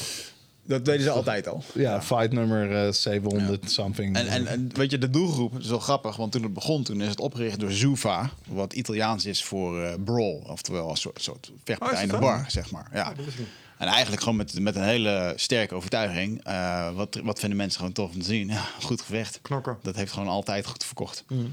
En ehm, goed, het is natuurlijk wel uitgegroeid tot een mega-organisatie. En eh, ik vind het knapper hoe dat ze Reebok er uiteindelijk bij hebben gekregen. En wat ik wel interessant zou vinden is... ehm, kijk, in de, in de wereld van entertainment en, en events... eh, wat ik heel stijf vind bij hun is de locatie. Dus ik kies altijd een of andere arena. Dat is gewoon helemaal zwart en donker... met wat eh, flitsende paparazzi eromheen... en een, een cage of een ring of een whatever het is. Als ik terugdenk aan mijn fantastische jeugd... vol met films van Jean-Claude Van Damme... en alle andere action hero onzin Ah, ja. of het nou kickboxer was of weet je, het maakt niet uit. De finale was altijd ridiculous. Op een platform. Op met een spikes. platform met spikes. Nou, dat, maar het kan ook op een eh, eh, beach on een private island. Nou, dat hebben ze nu in een vliegtuig. Ze hebben nu eh, voor de corona hebben ze een eigen private island eh, gekocht of gehuurd. Waar ze zonder allerlei commissies en wetten zelf gewoon evenementen kunnen, kunnen organiseren. Alleen dan zonder publiek. En wat ze vaak deden, en dat zijn wel een van de betere evenementen. Er zijn heel veel van die eh, vechters die zitten eh, bij Special Forces of Mariniers of wat dan ook. En dan gingen ze gewoon op zo'n basis in, eh, van de luchtmacht gingen ze dat dan doen. En daar ging het dak er wel altijd echt af. Dat is toch sick? Ja, zeker sick. Ik moet Of, denk ik denken aan Street Fighter. Ja, Dat zie je ook die achtergronden, zie je toch? Ja, ja, ja. ja. Waarom is dat niet? Dat zat wel dus al in games. Mensen willen dat. Ja. Waarom is dat niet doorgevoerd? Waarom heb je wel Sensation White, waarbij iedereen in het wit komt om, om samen iets te doen? Ja. Ehm, vechten is nu, of vechtsport eigenlijk, is nu eh, geaccepteerd als, als entertainment en als serieus evenement. Waarom koppel je dat niet? Waarom is er niet gewoon een soort van eh, waanzinnig eh, dansfeest zoals vroeger of whatever, of iets waar, waar heel veel gebeurt, waar vechten gewoon een onderdeel kan zijn, maar dat dus dresscodes gaan tellen, locatie gaat tellen, Ja. Weet je, allemaal van dat soort dingen vind ik wel eh Ja. is interesting. Ja. Interessant. Fascinerend. Ander ding waar ik nieuwsgierig naar was, is, ehm, heeft hier misschien een klein beetje mee te maken. Mhm. Eh, je hebt het, eh, eh, het internet, alles wat daar omheen komt, branding, marketing, heb je zien omkopen, opkomen. nou, ehm, Allebei. allebei. Ja. Wat mij opviel is dat ik, vooral in de early days of het internet, had ik nog alle tijd, energie en aandacht. Hè, wat, je, wat je al zei, omdat alles nieuw was, ging ik naar kijken. Nou, we weten allemaal, attention spans zijn aanzienlijk verkort Ja, eh, voor mensen. jammer. Ja, hoe, hoe heb jij dat zien, eh, zich zien ontwikkelen en wat zijn oplossingen die je ervoor bedacht hebt? Want je hebt ermee moeten dealen, denk ik. Zeker. Ehm, je hebt sowieso gelijk. Ik, ik vind het ook best wel jammer dat het zo is. Eigenlijk dat we zo overprikkeld worden, zo overspoeld worden met content... dat je algoritmes nodig hebt om het voor je uit te zoeken. Dat alleen al. En dan is onze tactiek vervolgens dat we met z'n allen gaan proberen dat algoritme te breken. We zijn echt een stel idioten eigenlijk. Ehm, maar goed, heel simpel gezegd. Ehm, ik denk twee dingen. Ik denk dat je hebt eh, curatie nodig. En dat is iets waar we te weinig over praten. Ehm, van je eigen prikkelingen. In principe heeft elke social media platform een paar tools waarmee je je leven makkelijker kunt maken. Dus je kunt je beste vrienden aanvinken. Je kunt aangeven wat je wel of niet interessant vindt. Je kunt ehm, cureren en zeggen: joh, ik wil deze content wel of niet. Of misschien wil ik wel een connectie met jou, maar post jij alleen over vechtsport of zo, weet ik veel. En heb ik daar eigenlijk geen zin in, dus mute ik jou. Maar Ja. we zijn nog wel vrienden. Ehm, er zijn heel veel opties om dat te doen, waardoor je timeline super interessant kan zijn. Veel interessanter kan zijn dan zo'n algoritme kun- kan bedenken. Dat is voor mij privé een hele grote win geweest. Om te zeggen, hey, op LinkedIn bijvoorbeeld, ehm, waar ik echt alleen maar kansen en goede content zie lately, dus dat is echt best wel leuk, heb ik dat echt goed ingericht. Uh, wie wil ik volgen? Welke hashtags wil ik volgen? Welke bedrijven, welke tijdschriften, welke kranten wil ik volgen? Waar haal ik alles vandaan, zeg maar. Ehm, en als je dat aangeeft, dan gaat die algoritme alsnog los daarop. Dus er komen nog steeds dingen doorheen die er doorheen moeten komen. Maar laten we zeggen dat 70% van mijn timeline echt interessant is. Als ik kijk naar ehm, hoe dat met andere social media's gaat, dus eh, een Instagram-account bijvoorbeeld. Ja, wees ook niet bang om gewoon dingen die je niet meer voelt, gewoon te ontvolgen. Of gooi dat er gewoon uit, zodat je minder prikkelingen krijgt, waardoor je betere keuzes kunt maken en langer naar dingen kunt kijken Ja. dat is allemaal vanuit de persoon. En vanaf de andere kant, dus eigenlijk vanuit het bedrijf die jou probeert te- te targeten. Dan ga ik altijd na van oké, wat probeer ik eigenlijk te bereiken? En hoe kan ik dat dan het beste doen? Ehm, heel plat en heel simpel gezegd. En eh, de meeste mensen, of de meeste marketeers en vooral bedrijven die marketing doen met mensen die de power hebben, die geen marketing doen. Ik zal het nog één keer herhalen. Dus als je een groot bedrijf hebt, zoals een Bacardi of een weet ik veel wat, dan is daar een marketingafdeling. Die marketingafdeling die doet dingen, maar je hebt nog steeds een directeur of een merkmanager of een weet ik veel wat, die daar ook allemaal dingen van moet vinden. En dat is niet per se altijd een marketing expert. Ja. zeg maar. Dus je, er zit een stukje kennis wat je nog moet overdragen. Nou, wat daar, de twee dingen die ik het meest fout zie gaan, is één, veel te veel boodschappen in één stukje content. Ze zeggen nee, het logo moet erin, het moet een subtitel hebben en de kleuren en de, de can en alles wat, alles wat we hebben moet daarin, weet je wel? En dat is totaal niet gedacht vanuit de consument of de kijker. Dat is gewoon gedacht van, hé, hey, ik heb hier een checklist, we hebben allerlei dingen gebouwd vanuit het merk en dat moet daarin. Dat is al een fout. Want de seconde dat ik iets zie waar zes, zeven van die dingen in zitten, weet ik dat de content gewoon waarschijnlijk niet goed gaat zijn. Overbranded, I'm done, doei, laat maar. Weet je, heb gewoon vertrouwen in het feit dat Red Bull is daar heel goed in. Ehm, Red Bull maakt content dat je gewoon herkent. Je ziet het, je denkt, oh, ik weet al wat het is. Ja, ja. Het is fucking sick. Ik kan het de hele tijd kijken. En ja, er zit misschien een blikje in op het einde of een petje op waar een logootje op staat, fijn. Maar 95% van het beeld is nog steeds een berg en iemand op een mountainbike die uit een vliegtuig springt. Zeg maar. Het is gewoon vet. Ehm, en voor, dat is dus ding één van als je eh, die short attention span wil doorbreken, dan moet je eigenlijk opvallen en leveren wat die mensen wel zoeken. Wat kiezen ze dan wel om te kijken? Als je uit honderd dingen moet kiezen, wat kies je dan wel om te kijken? En de enige keuze wat je kunt hebben is dan maak datgene wat ze willen zien. En maak niet datgene wat jij denkt te moeten maken. Want dat, dat klopt voor geen kont. Ehm, en het tweede ding, en dat is misschien wel eh, het lastigste, is die algoritmes en elke dag wisselt alles. Dus stel jij wil een verhaal vertellen en je maakt er een drieluik van in drie posts. A, B en C.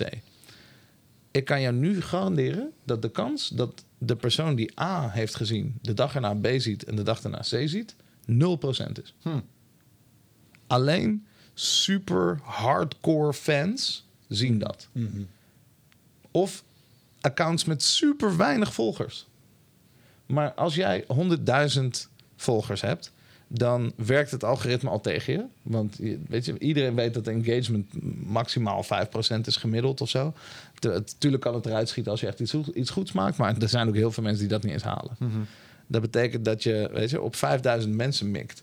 Denk je nou echt dat je op dag 1 dezelfde 5000 mensen krijgt als op dag 2 en dag 3? Nee. Dus je kunt beter één stuk content maken dat jouw volledige boodschap weergeeft. En misschien daar drie versies van maken. Dus dat je elke keer ervan uitgaat dat iemand het maar één keer ziet. Ehm, en het dan op die manier aantrekkelijk maken. En zo zijn er allerlei soort van basisfouten in heel veel marketingafdelingen. Die gewoon zeggen, ja, maar... Oh ja, maar dan, dan weet je, doen we long format of dan doen we heel veel herhalingen en zo. Niemand volgt dat. Echt letterlijk niemand volgt dat. Er is niet, niet één mens die dat doet. En de waste in marketing is ook gigantisch. Dus eh, stel ik heb een marketingafdeling, ik maak 365 stukken content. Dan ben je eigenlijk... Eigenlijk is dat raar. Als ik heel eerlijk ben. Want zoals ik zei, als 5% van je following het ziet... Dat betekent dat als je een paar maanden later op een ander moment, op een andere dag met wat andere hashtags of whatever, dezelfde content post, kun je nog 5% scoren van die 100.000 mensen. En daarna weer, weet je wel. Dus het, het is eigenlijk geen wegwerpproduct. Ja. Je kunt het vaker doen. Ehm, sterker nog, wat weten wij van, van reclame is dat je het werkt het beste bij herhaling. Toch? Je moet zes tot acht keer een merk tegenkomen of een campagne zien om het te begrijpen, te weten en getriggerd te worden om iets te doen. Ja. Waarom doen we dan op contentniveau alsof het maar één keer is? Interessant. Dat is onzin. Ja. Ehm, en dus als je mij vraagt van hey, die short attention span en al die dingen. Als het je al lukt om te winnen, zorg dan dat alles in, die, in dat filmpje zit wat je wil zeggen en niet alles wat je hebt. Je wil gewoon één ding vertellen. Als, ik zie marketing heel vaak als een, als een, een date, weet je wel? Ah. Als ik on een first date ga met je en ik vertel je alles Dat wil je toch helemaal niet? Je wilt toch gewoon een beetje mysterie. Iemand die tegenover je zit en jou één goed verhaal vertelt. Of iets tofs vertelt over studie of werk of familie of hobby of whatever. Ja. Eén ding en bij date 2 wil je Ja, de Je rest. wil naar die ja, ja. volgende date inderdaad. Voordat je bij elkaar in bed kruipt. Ik moet, eh, ja, ik moet ineens denken aan zo'n foute, eh, foute PUA pick-up artistry line eh, van vroeger. Eh, be excellent, be gone. Maak een druk en, Ja. ver- en verlaat altijd op Ja. het hoogtepunt van het feestje. Ja. Weet je wel, niet, niet degene zijn die als laatste de deur uitgaat. Nee, zorg dat als het gezellig is, net, dan moet je gaan. En besef dat er altijd een tweede feestje komt dan. Exact.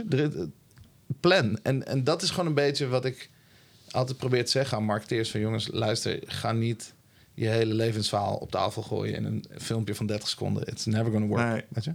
Mensen vinden je merk waarschijnlijk al tof. Of geef ze prikkels ze genoeg om te komen eh, onderzoeken of om te ontdekken. of weet ik veel wat. Maar niet dat doen. En ik hoop dat er een manier komt waardoor mensen beter gaan cureren. Of dat die algoritmes echt beter worden. ja.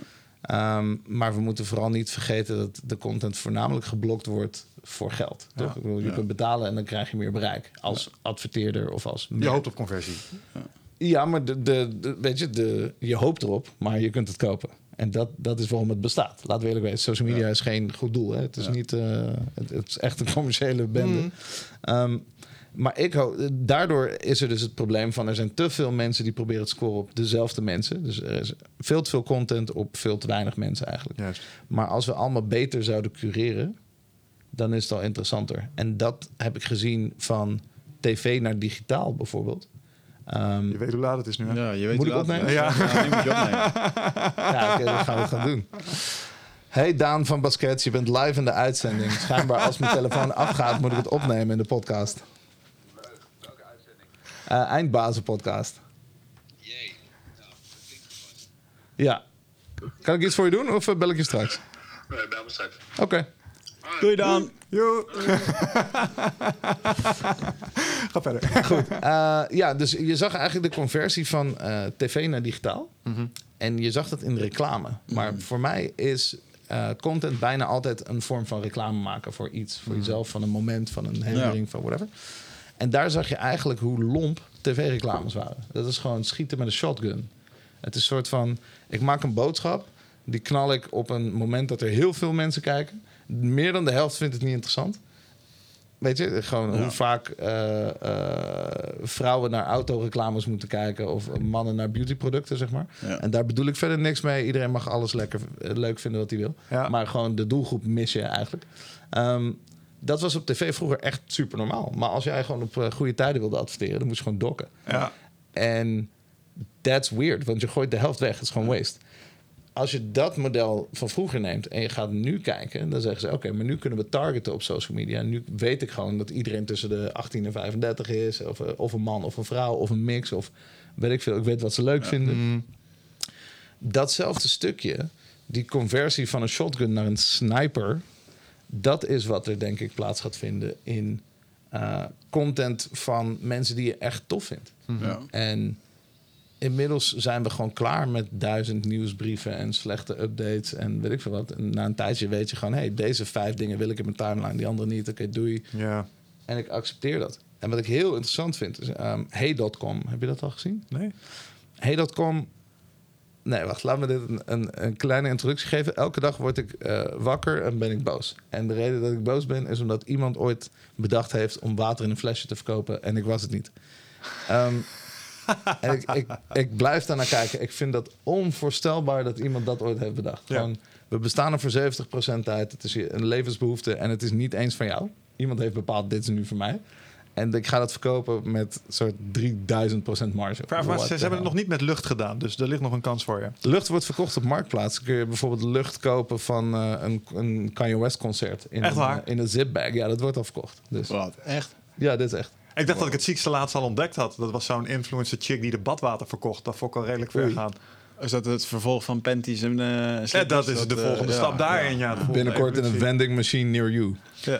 Ehm, maar goed, ja. eh, Gaat, verder gaat goed met de mensheid, hoor. Verder gaat het goed met de mensheid, ja. Nou, het, het punt is dus, iemand heeft besloten om, eh, om water in een flesje te verkopen. Ja. En dat is ding nummer één. En daar kan ik nog, steeds- nog steeds verbaasd van zijn dat het A werkt en B, dat ik dat niet heb bedacht.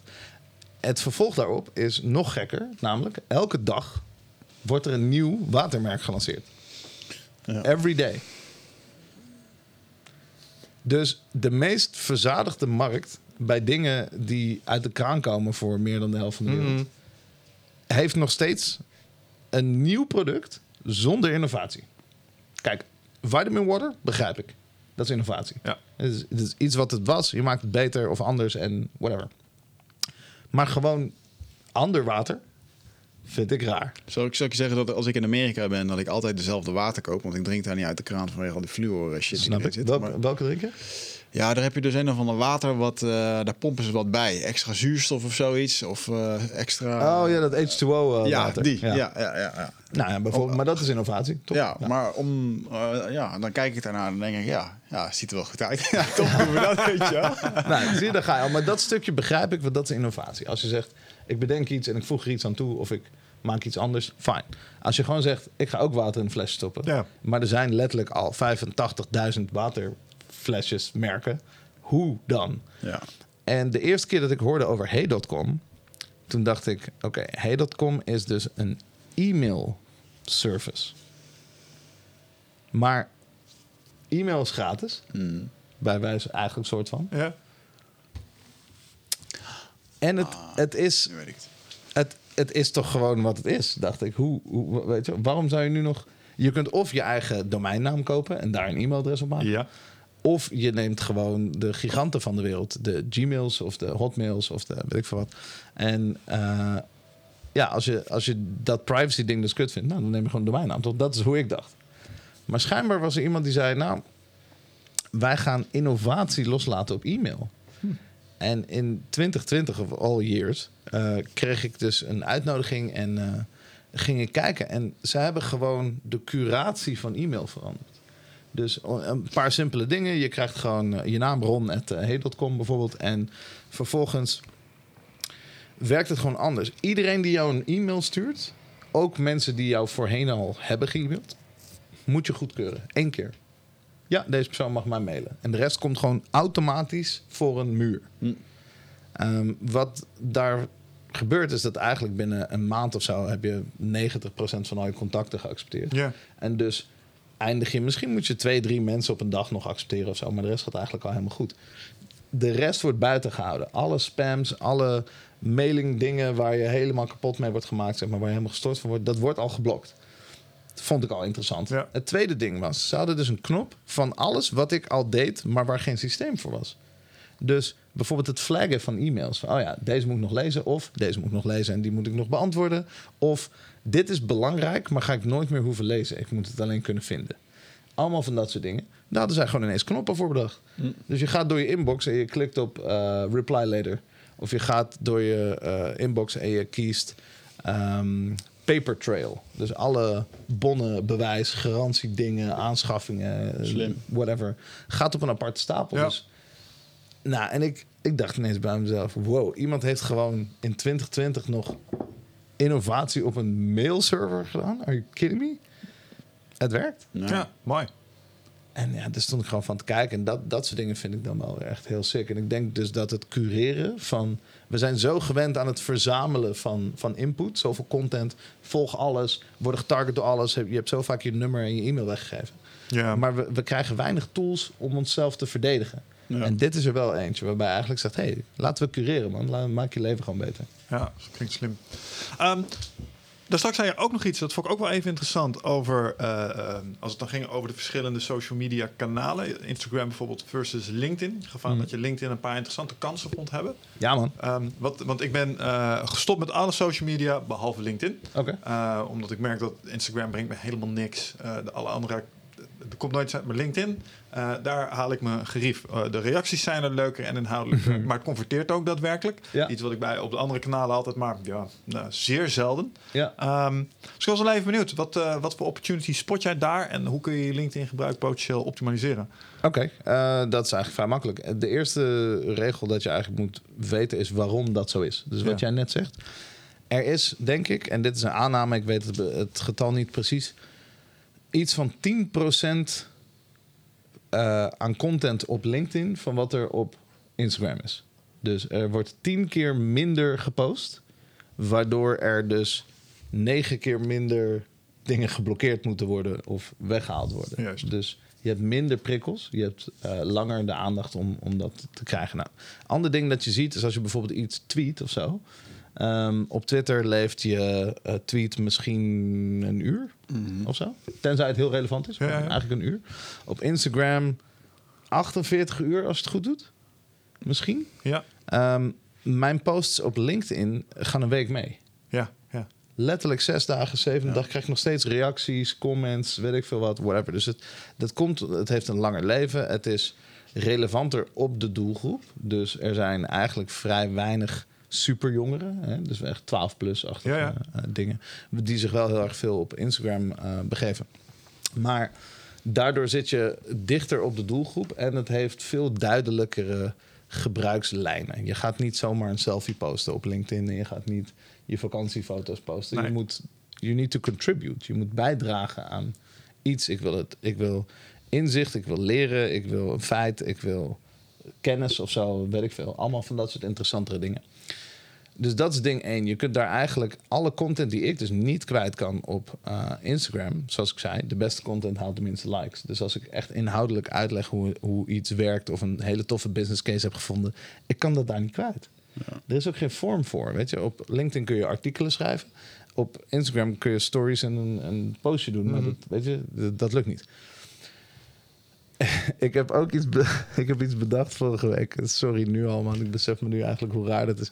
Ik heb de, de, de anti-podcast post bedacht ongeveer. Ehm, het is namelijk zo. Ik vind podcasts heel vet.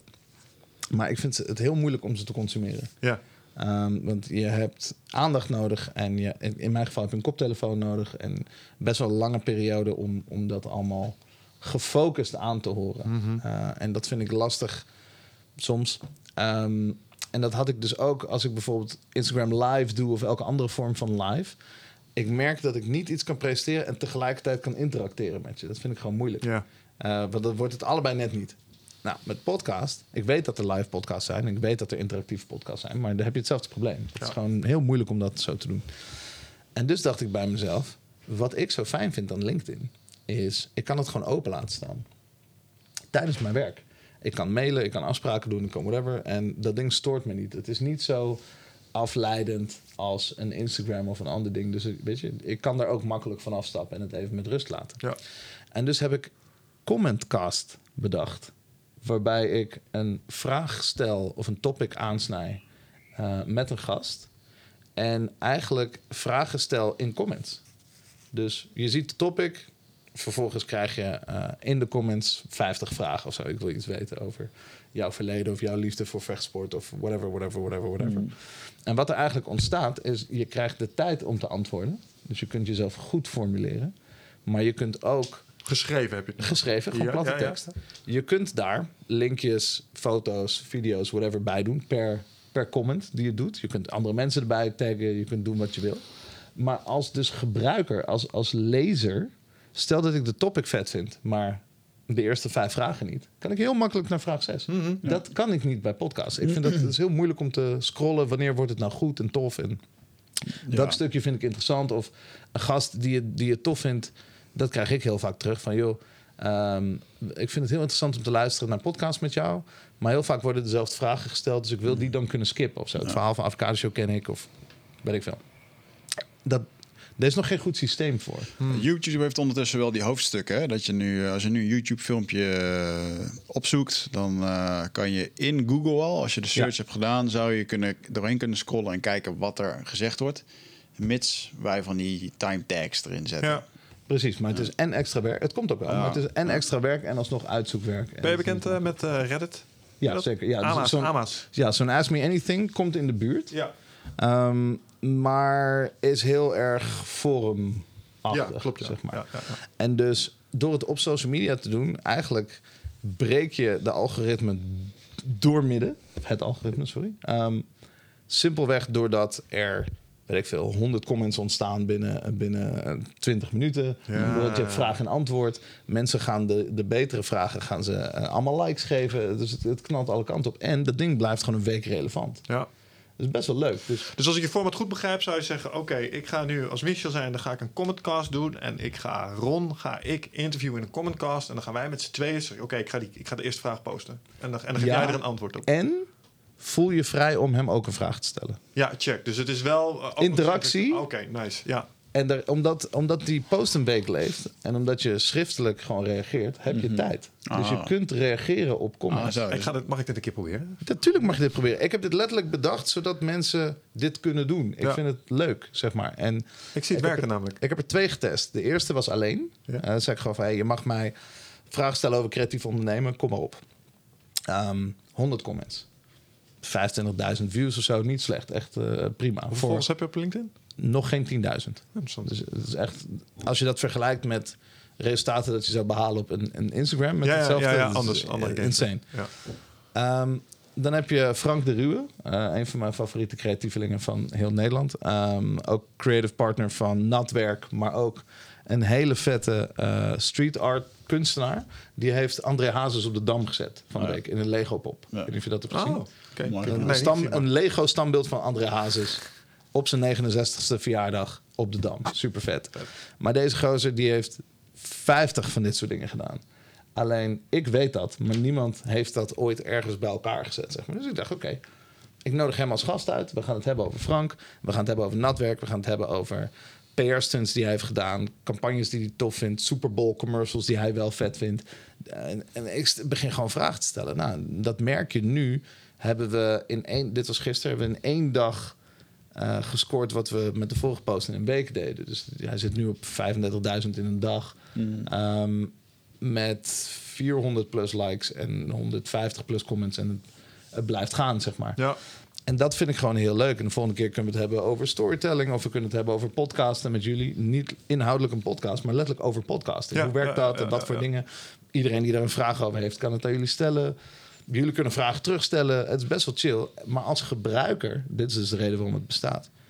Ik vind het chill. Ik zie dat. Ik vind dat een toffe post. Of ik vind jullie interessant. Dan denk ik, oké. ik lees een vraag en ik lees de comments die daarbij horen. Ik lees er nog een, ik lees er nog een. Oh, ik moet even een meeting in. Cool. Ik kom drie uur later terug. Ga ik op zoek naar nog een vraag die ik tof vind. Ik kan het gewoon consumeren met rust. En weet je, het heeft geen spoed, geen haast. En het blijft groeien. En nogmaals, wat we zeiden over content dat jou zes of acht keer moet bereiken voordat het iets doet. Ik kan me voorstellen dat je niet meteen denkt: oh, ik ga een vraag stellen aan deze mensen. Dus eh, voor welke reden dan ook. Maybe you're shy. Maybe heb je geen vraag. Maybe weet ik veel wat. Maar als je die post dankzij LinkedIn vijf, zes keer voorbij ziet komen. Ja. en je ziet andere mensen ook vragen stellen. Misschien raak je geïnspireerd en zeg: oh, weet je wat ik eigenlijk wel wil weten? Dit. En Ja. ik heb heel vaak dat, dat het social media leven zo snel is dat als je niet meteen reageert op de juiste manier, dat, de- weet je, dat het niet werkt en dat je ook heel vaak geen antwoord krijgt. En nu heb ik zoiets van, yo, dit is echt verbinden. Dit is echt leuk. Ja. Want mensen, al krijg je drie dagen later antwoord, je krijgt nog steeds antwoord. En het is best wel tof, je kunt ermee praten, het heeft geen haast. Je mag even een goede vraag bedenken, je mag even de tijd nemen. En dat is het tegenovergestelde van al die high-profile content, wat nu, nu, nu, nu, nu, nu, nu, nu, nu moet, weet je. En dat vind ik gewoon heel erg leuk. Dus ja, hashtag Commentcast, dat heeft twee volgers, ik en een vriend van mij. Dus we hebben letterlijk een nullijn. Dus we kunnen helemaal meten of het wel of niet iets gaat doen. Ja, te gek. Uh, maar voel je vrij, man, om dat te gebruiken. Ja, lijkt me heel Zeker. interessant. Ik ga daar eens mee experimenteren, man. Het spreekt me wel aan op een of andere manier. Cool, Ja. leuk. Nou, grappig. Hey, ehm, even terug naar ehm, eh, de Avocado Show. En, eh, want je vertelde Mhm. net, het is een franchise ook geworden. Hè? Eh, Ja, en ik maakte net eventjes de grap over een schoonmaker die een foto maakte. Maar dat is misschien wel leuk als je dat eventjes aanhaalt. Over, als we het dan toch hebben over content. Mhm. Een van je meest succesvolle foto's heeft ook te maken met de start van jouw bedrijf, de Avocado Show. ja. Zou je dat eens willen toelichten? ja, zeker. Ehm, dit is eigenlijk, komen we terug op de eh, conclusie dat de mooiste content niet per se de meeste likes haalt. En een simpel iets met een verhaal, of het user-generated content is, of iets zonder flits met een telefoon van tien jaar geleden, dat maakt allemaal niet uit.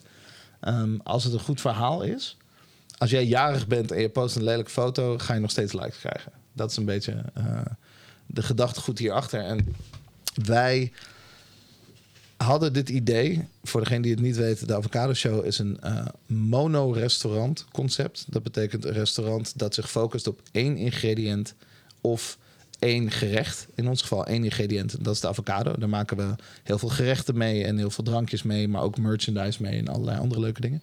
Ehm, dus het is eigenlijk heel erg geschikt voor mensen die avocados gewoon leuk vinden of lekker of whatever. Maar ook voor foodies en mensen die foodstyling leuk vinden. Of gewoon gezond willen eten of een stukje beleving willen, whatever. Ehm, dus die doelgroep is vrij, vrij breed en groot. En wereldwijd. Het concept, het, ja, dat moest vertaald worden naar, naar communicatie. Dat is gewoon zo. Dus je, je bedenkt iets en vervolgens moet je dat aan de wereld gaan vertellen. En moet je jezelf afvragen, oké, hoe ga ik dat doen?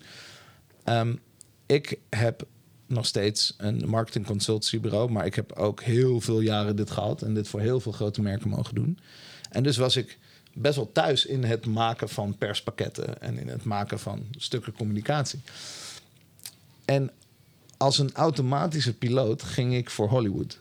Dus ik ging voor de mooiste foodfotografie die we ooit hadden gezien. Het beste persbericht met alle buzzwords. En er stond letterlijk nog bitcoin in. Ehm, allemaal gekke dingen die gewoon van die tijd wel waren. Om het meest efficiënte pakket ooit te maken. Ik dacht, dat was eigenlijk mijn missie. Ik wilde dit uitsturen naar journalisten, mediaplatformen en dat soort dingen. En dat ze dan geen vragen zouden hebben. Dat was mijn goal. Dat ik het zo goed doordacht zou hebben dat je geen vragen zou hebben. Dat is echt het domste wat je kan doen, man. Wist ik veel. Ik, ja, ik, tien jaar lang was dat succesvol. Vond ik leuk. Maar ik kwam er echt achter hoe dom dat eigenlijk was die dag. Ehm, dus ik maak zo'n pakket. Letterlijk de mooiste foto's ever. Supergoed persbericht. Alles erop en eraan. Met het nieuwe merk. Let's go. Maar we hebben de avocado show zo snel bedacht. Eh, op, op een donderdag hadden we het bedacht en op dinsdag hadden we het pand. Dus het is echt, en twee dagen daarvan zijn we naar een festival geweest. Dus het is echt snel. Ik had mijn moeder nog niet gesproken. En Julien, mijn compagnon, die zei gewoon van... jongen, luister, we moeten nu naar buiten met dit verhaal. Want dit concept is zo simpel. Het zijn letterlijk een paar woorden. Een avocado restaurant. Eh, als iemand anders dit roept, dan kunnen wij niet meer. Dus I don't care wat je post, maar je, er gaat iets uit. Nu. Oké. Nou, ik had dus dit sublieme pakket, maar ik had mijn ouders nog niet gesproken. En toen dacht ik, ja, ik kan er niet echt een persbericht uitgooien zonder dat mijn moeder weet dat ik een restaurant ga openen. Dat is een beetje raar. Ehm, en dus zeiden we eigenlijk, joh, weet je, laten we beginnen bij onszelf. Laten we eerst een social post doen. En dan twee dagen later doen we het perspakket. Fair enough? Ja. Fair enough. Oké. Wij naar het restaurant. Nou ja, er was eigenlijk helemaal geen restaurant. Wij naar het pand. Waar niks staat. Geen meubels, geen vloer zit er volgens mij überhaupt in. Gewoon helemaal niks. En de schoonmaker die was daar dus eh, bezig. En was de enige persoon die er was. Dus je ziet echt een, eh, je ziet nog een ladder staan. Je ziet allemaal shit. En zei, "Yo, wil, je, je alsjeblieft even een foto maken van ons? Ja, is goed. Ik weet echt niet wat daar gebeurt. Ik heb een soort leeg A4'tje vast. Iemand anders heeft een, uitgeprint bedrijfsplan. Slaat nergens op. Jamie van Heijen, shout-out. Een van de best chefs ever. Die staat in het midden. En er wordt gewoon een foto gemaakt met een, met een iPhone in het donker. Zo, het is niet eens scherp. Er is geen flits, niks gewoon. Het is echt een... Eigenlijk een verschrikkelijke foto. Ja. Ehm, maar ja, het voldeed wel aan het enige doel dat we hadden. En dat was haast. Het moet nu. Het moet nu naar buiten. Oké. Dus wij gooien die foto online. Zonder informatie. Met het tegenovergestelde van een perspakket. Er stond letterlijk in... Jee, wij gaan een avocado-restaurant openen in Amsterdam. Niet wanneer, niet waarom, niet wie zijn wij, niet hoe of zo of waar. Gewoon niks. Het is echt niks. Gewoon avocado's eten. Ja, dat is gewoon woe, weet je, echt een, echt een social media post eigenlijk waar je veel te weinig informatie in stopt. Ehm, maar er stond schijnbaar precies genoeg in. Want voor mensen die fan zijn van avocado, is het idee dat er een avocado-restaurant komt genoeg. Maar hoe, hoe ziet het eruit? I don't care. Wanneer komt het? I don't care. Waar is het? I don't care. Er komt een avocado-restaurant. Jee, liken die handel. En dat bericht ging zo extreem viral. Doordat het eerst werd opgepikt door familie en vrienden als een soort mijlpaal. Je weet gewoon als je een foto gaat posten dat jij jarig bent of een kind krijgt of een, weet ik veel, een mijlpaal in je leven. Dat gaat engagement opleveren. Ook als je onderneemt. Dus als, je, als er een nieuw project is wat echt vet is, of je bent afgestudeerd of whatever, dat gaat gewoon iets doen. Dus we, dat, die zagen we aankomen. We dachten, oké, nou ja, als ik aangekondigd dat ik een restaurant ga openen, dan denk ik wel dat er engagement op komt. Dus die engagement kwam voor mij, voor Jules, voor Jamie, voor eigenlijk iedereen. En in ons eerste netwerk zitten al een paar bloggers en een paar mensen die bij kranten werken en een paar foodies, weet je wel. Oké, cool. Dus die namen het over. En toen ging het ineens naar de krant, toen ging het naar de tv, toen ging het naar België, toen ging het naar Frankrijk. Toen werden we ineens soort van door heel Europa bekend. Maar dit, het hield gewoon niet op. Het bleef maar gaan. En het was als een soort olievlek. En normaal duurt eh, een viral ja, stukje content is misschien twee dagen of zo relevant. Zeker als het zo dun is, zeg maar. Maar we hebben hier twee, drie maanden op geteerd. Echt insane. Het bleef maar gaan. Op een gegeven moment werden we gebeld uit Thailand en Australië en New York en Tokio en weet ik het wat allemaal. Omdat de boodschap van er komt een avocado restaurant was basically we gaan een Disney World openen voor avocado liefhebbers. Ja. Dat is wat zij lazen, zeg maar. Wij zagen een lelijk foto, they didn't care. Zij zeiden gewoon, oh, oké, het wordt dit. En alles wat daarna volgde, dus ik, ik had je aandacht al, maar de, a- die aandacht hebben we dus getrokken met eigenlijk super low res echte content, gewoon het verhaal. En daarna regende het ineens super vet gestylede foodfotografie. Eh, de naam de Avocado Show, dat vond iedereen vet. Eh, hoe het eruit zag, het verhaal van die paar jonge guys uit Amsterdam die het gingen doen. En ine- ineens viel alles op zijn plek. Zeg maar. maar de eerste wave had niks, echt niks te maken met mooie content. Het was letterlijk gewoon het verhaal van: hey, we found a needle in a haystack. We hebben gewoon iets raars. En hoe langer ik daarover nadenk, hoe gekker ik het vind. Want het gaat tegen mijn volledige intuïtie in. Ik vind het een heel geruststellend idee, weet je dat? Ik vind het een heel geruststellend idee. Omdat, omdat goede ouderwetse productmarketing gewoon nog een ding is. Dus Ja. als een concept gewoon goed is, Ja. dan werkt het. En dat, en dat weten mensen dus op waarde te spotten. En je kan, eh, als Firefest iets heeft laten zien, is dat een boel mooie plaatjes wel iets doen. Maar als het product kloot is, blijft, wordt het gewoon een fiasco. Faalt het en dan hebben Exact. mensen het nog jaren over in de negatieve zin. Dus als je gewoon een vet concept weet te vinden, mensen spotten dat gewoon op waarde. Ondanks al dat mediageweld waar ze het uit moeten filteren. Dus ze kunnen Ja. het nog steeds vinden. Ja, if you scratch an itch, dan zullen ze het vinden. En ehm, vergeet niet dat content geconsumeerd wordt door mensen die op zoek zijn naar iets voor hun, niet voor jou. Ja. Je, de kijker wil entertained worden, de kijker wil eh, educatie, de kijker wil whatever het is. En heel veel mensen denken, ik ga gewoon heel hard duwen, maar eigenlijk wil je dat strekken. Ja, en, en dat is gewoon het verhaal. En als je iets vindt waardoor ze gaan trekken, is het interessant. En zoals ik zei, het ging helemaal tegen mijn intuïtie in. Dat heb ik nu wel geleerd, maar ik vond het altijd gek. Ik vergeleek het altijd met koffie. Dus het eerste waar ik aan, waar ik aan dacht toen ik na een paar maanden van die viral geweld na ging denken over waarom werkt dit? Hoe heeft dit gewerkt? Hoe, hoe zit dat eigenlijk? Ging ik kijken en toen dacht ik, ja, stel je toch eens voor, koffie. Koffie kost niks. Echt niks. Paar- weet je, we, hebben, we praten over centen hier. Je hebt het overal. Je kunt koffie thuis maken. Je, kunt, je hebt koffie op kantoor. Je hebt koffie in elk, letterlijk elk restaurant. Je Ja. hebt koffie op, op duizend plekken onderweg naar any, anywhere. Dus de twee na meest... Ik heb ooit met een koffieconsultant gesproken uit Amerika... omdat we dat verkopen in Nutrifit. Eh het is de twee na meest gedronken drank op de wereld. There you go. Na Dus- water. Na water. En misschien dat twee- thee er nog tussen staat... maar thee en koffie is dat, eh, ja. Nou, daar ga je al. Maar het fenomeen van zo'n intens verzadigde markt. Het is dus de meest verzadigde shit dat er is. En toch dacht iemand: ik ga een winkel openen en dan ga ik alleen koffie verkopen. De eerste koffieshop. Niet de Nederlandse koffieshop, maar koffiebar, zeg maar. En kaboom. Dat gaat tegen mijn totale natuur in dat dat zo is. En dat heeft puur te maken met het feit van... ik zie een verzadigde markt en ik zou niet weten hoe ik daar iets aan toe zou moeten voegen. Het enige wat je dus toe kan voegen is kwaliteit of de perceptie van kwaliteit. En dan wordt het interessant. Disneyland. Dus Ja. je, je, je, je hebt de grootste gebruikersgroep ever en vervolgens zeg je ja, dat, maar dan het beste. En ik dacht, dat kan niet. Weet je, maar ja, eindstand, we kopen nog steeds voor 7 euro eh, koffie bij eh, Starbucks. Ja, het is dat stukje exclusieve. eh, Het, het moet exclusief voelen of zo. Nee, beter. Beter. Beter. Wij zijn expert. Want dat, ma- want, dat maakt jou, maken. want dat maakt jou beter. Ja. Ja. Nee, wij zijn, dat maakt jouw smaak beter. Jij, kan, jij kunt cureren. Jij weet dat je hier moet komen? Oké. Iedereen heeft verf. Heb jij een leukere kleur verf op de muur? Dat is jouw smaak. Je? Ja, ja, Ehm. En dat gebeurde eigenlijk dus ook met dat hele avocado-verhaal. Want in Amsterdam kon je geen steen gooien zonder dat je een restaurant zou raken dat iets met avocado verkocht. Elk kantoor had het. Elke supermarkt heeft het. Je kunt het thuis eten. Ehm, ja. er is geen reden om het. Het is best wel verzadigd eigenlijk Ja. als je erover nadenkt. Dus waarom zou je er dan een tent van openen? Ja, het schijnt- tegen intuïtie eigenlijk in. Het werkt. ja. Ik vraag me af als dit voor koffie en voor avocado waar is, waar dit nog meer voor waar is. Ja, dat gaan we na de, na de show kan ik je daar nog wel een paar dingen van vertellen. Dat is de eerste vraag die, eh, die ik kreeg. Van heel veel mensen, joh, kun je dit... Eigenlijk was het altijd vrij dommig. wel, Kun je dit ook met een wortel? Kun je dit ook met een tomaat? Nee, het gaat niet om wortel of tomaat. Het gaat om... Bestaat er een, doel, een wereldwijde doelgroep... met een user case die, die het gewoon gebruikt... in een verzadigde markt... waar er nog geen professionele outlet van is? Ja. Dat is echt de enige vraag die je moet stellen. Ja, dat is Ben ben je dan nu op zoek zeg maar, naar de Big Mac? Uh, nou, grappig genoeg. De Big Mac is de inspiratie geweest voor het feit dat wij onze gerechten namen gingen geven. Daar waar heel vaak gewoon nog steeds Avocado hamburger met, of eh, ham, cheeseburger ja, precies, staat. ja. Of eieren Oh, zo. Ja, ja, jullie hebben een eigen... Zijn met noem, namen gaan geven. Noem eens een eh, voorbeeld. Uh, onze pokeball heet eh, de Salamango bijvoorbeeld. Uh, of de pannenkoek heette de Saint Stack en de Sinner Stack. Ja, Saint, check. Saint Stack ja, is vegan. Sinner Stack is met bacon en allerlei dingen.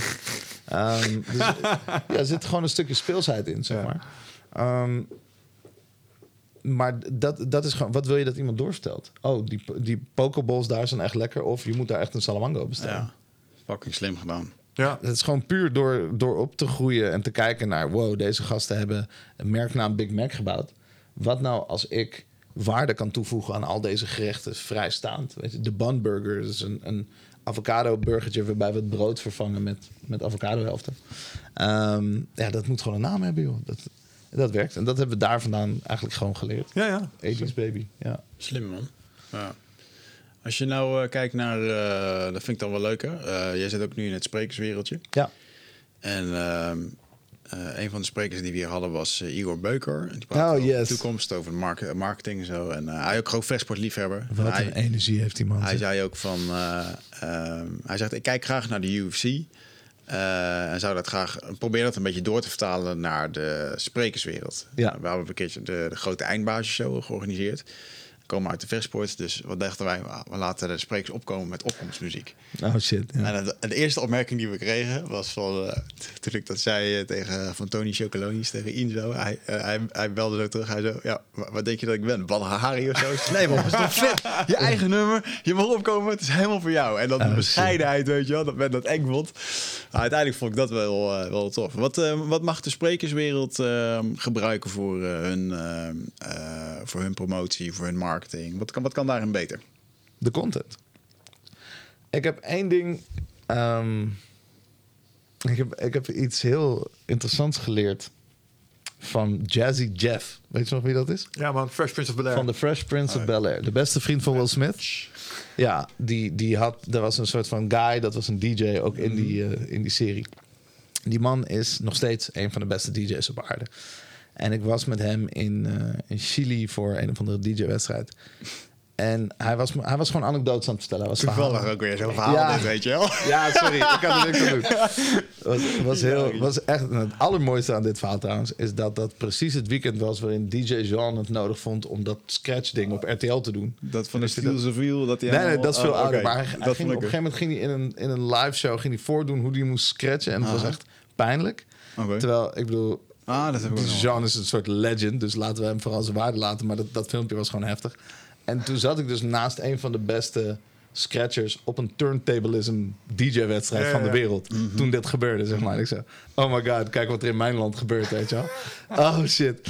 Anyway, dat was vet grappig. Maar Jazzy Jeff, die zei iets heel moois. Hij zei, eh, vroeger, toen ik ging DJ'en, plakte ik al mijn platen af. En plakte ik eh, letterlijk stickers over de namen van de platen. Want er kwamen altijd mensen kijken als ik aan het draaien was. En die gingen dan kijken welke plaat het was. En die gingen die plaat dan ook bestellen. Ja. Hij zegt, maar toen was ik jong. En toen was ik bang voor dingen.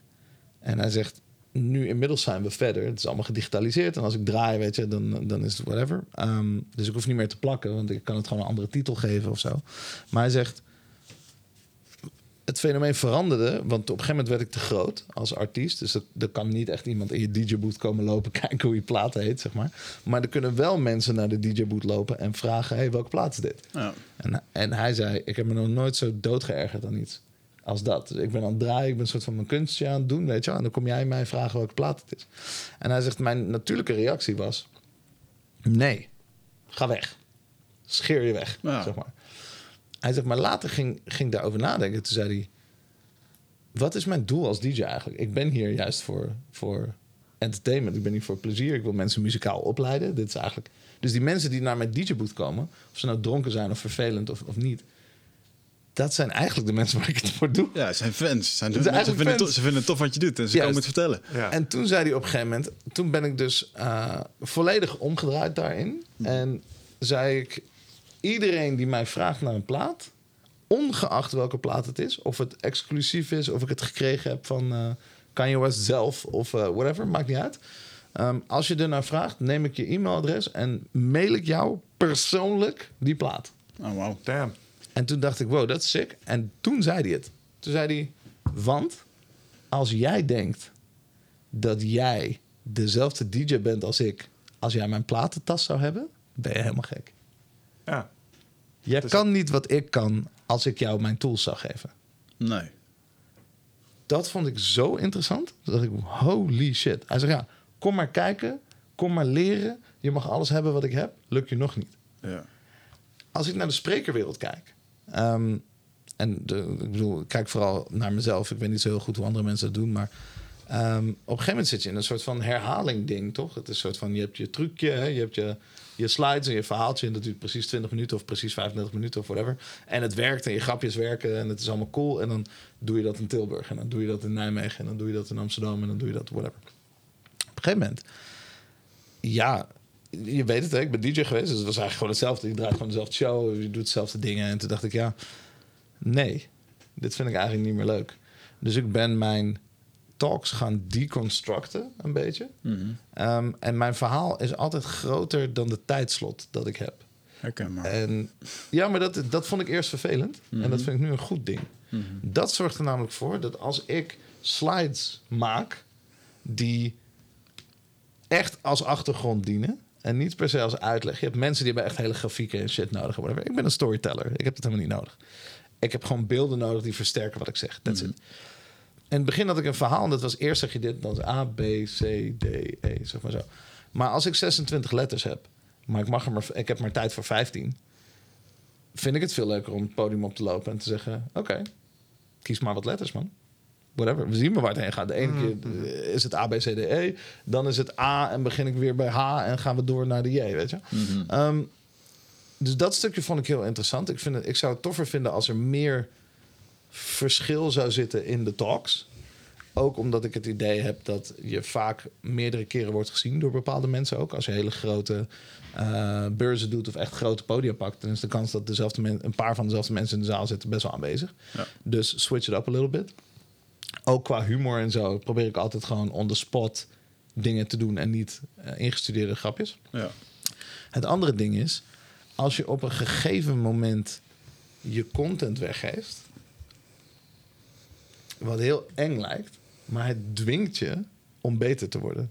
Het dwingt je om te vernieuwen, om een nieuw verhaal, om nieuwe impuls, scherpere dingen te doen. Because it's out there.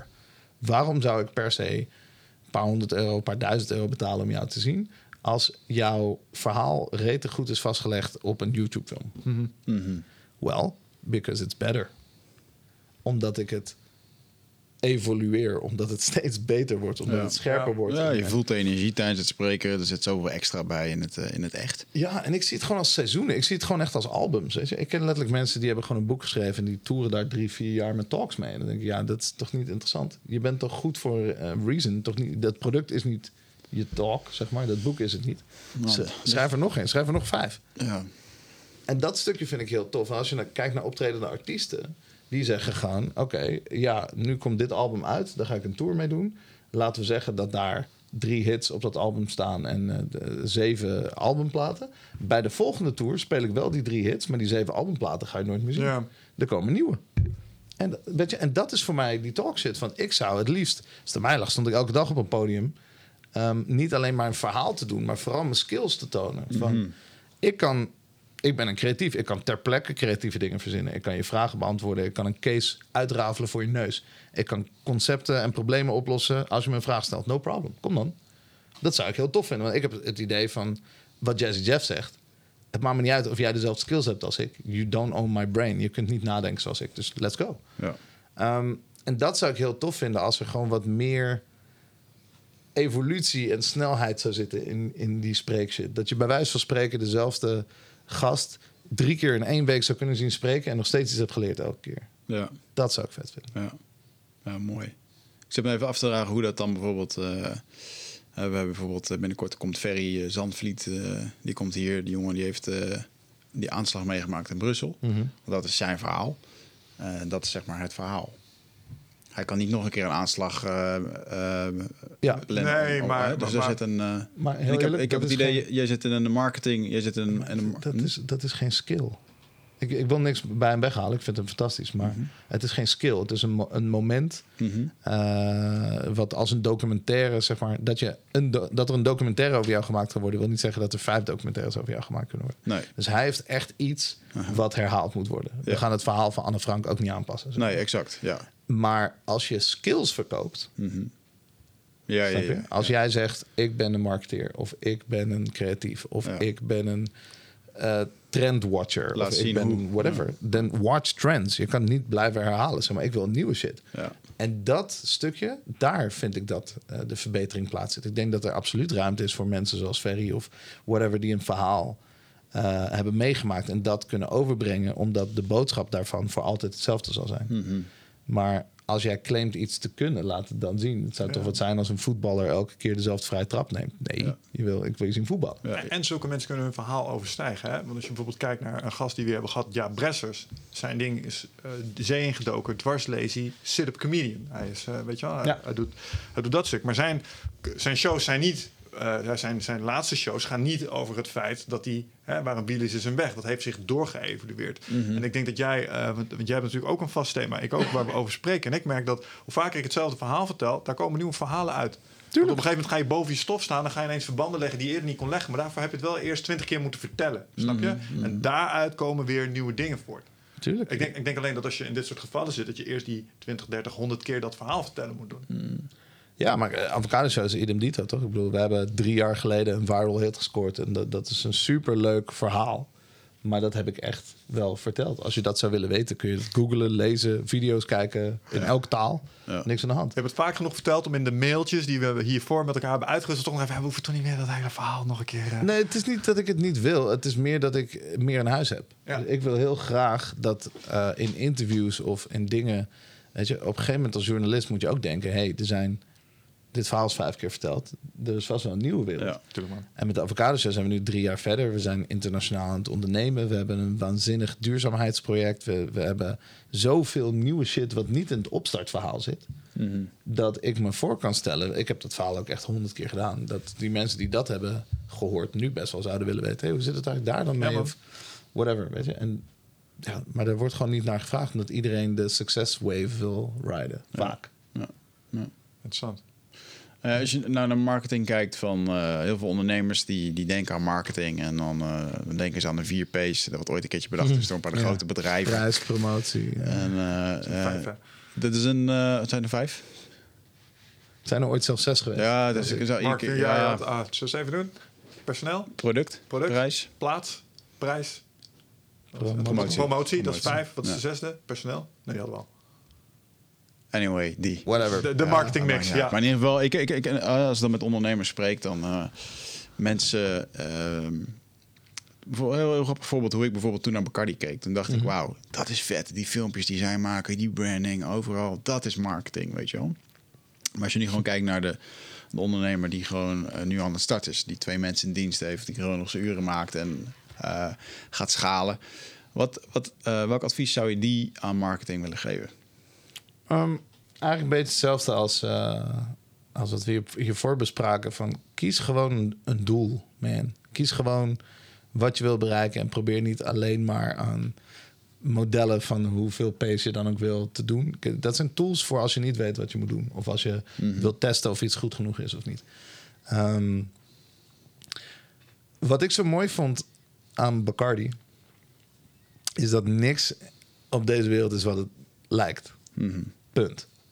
Als je bij Bacardi werkt, zeker in die tijd, kijk, ik ben nou al echt heel lang weg en ik, ik weet niet hoe dat nu zit, maar mijn grootste learning was: oh wow, die filmpjes, zeg maar, die, die tv-commercials, daar was ik bij. Ik heb die dingen geschoten. Ja.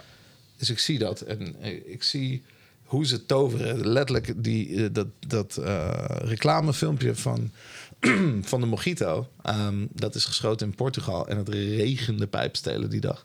Dat is gewoon een soort van w- wind schermachtig ding voor. En het lijkt gewoon zonnig. Het is insane. Het regent als een malle.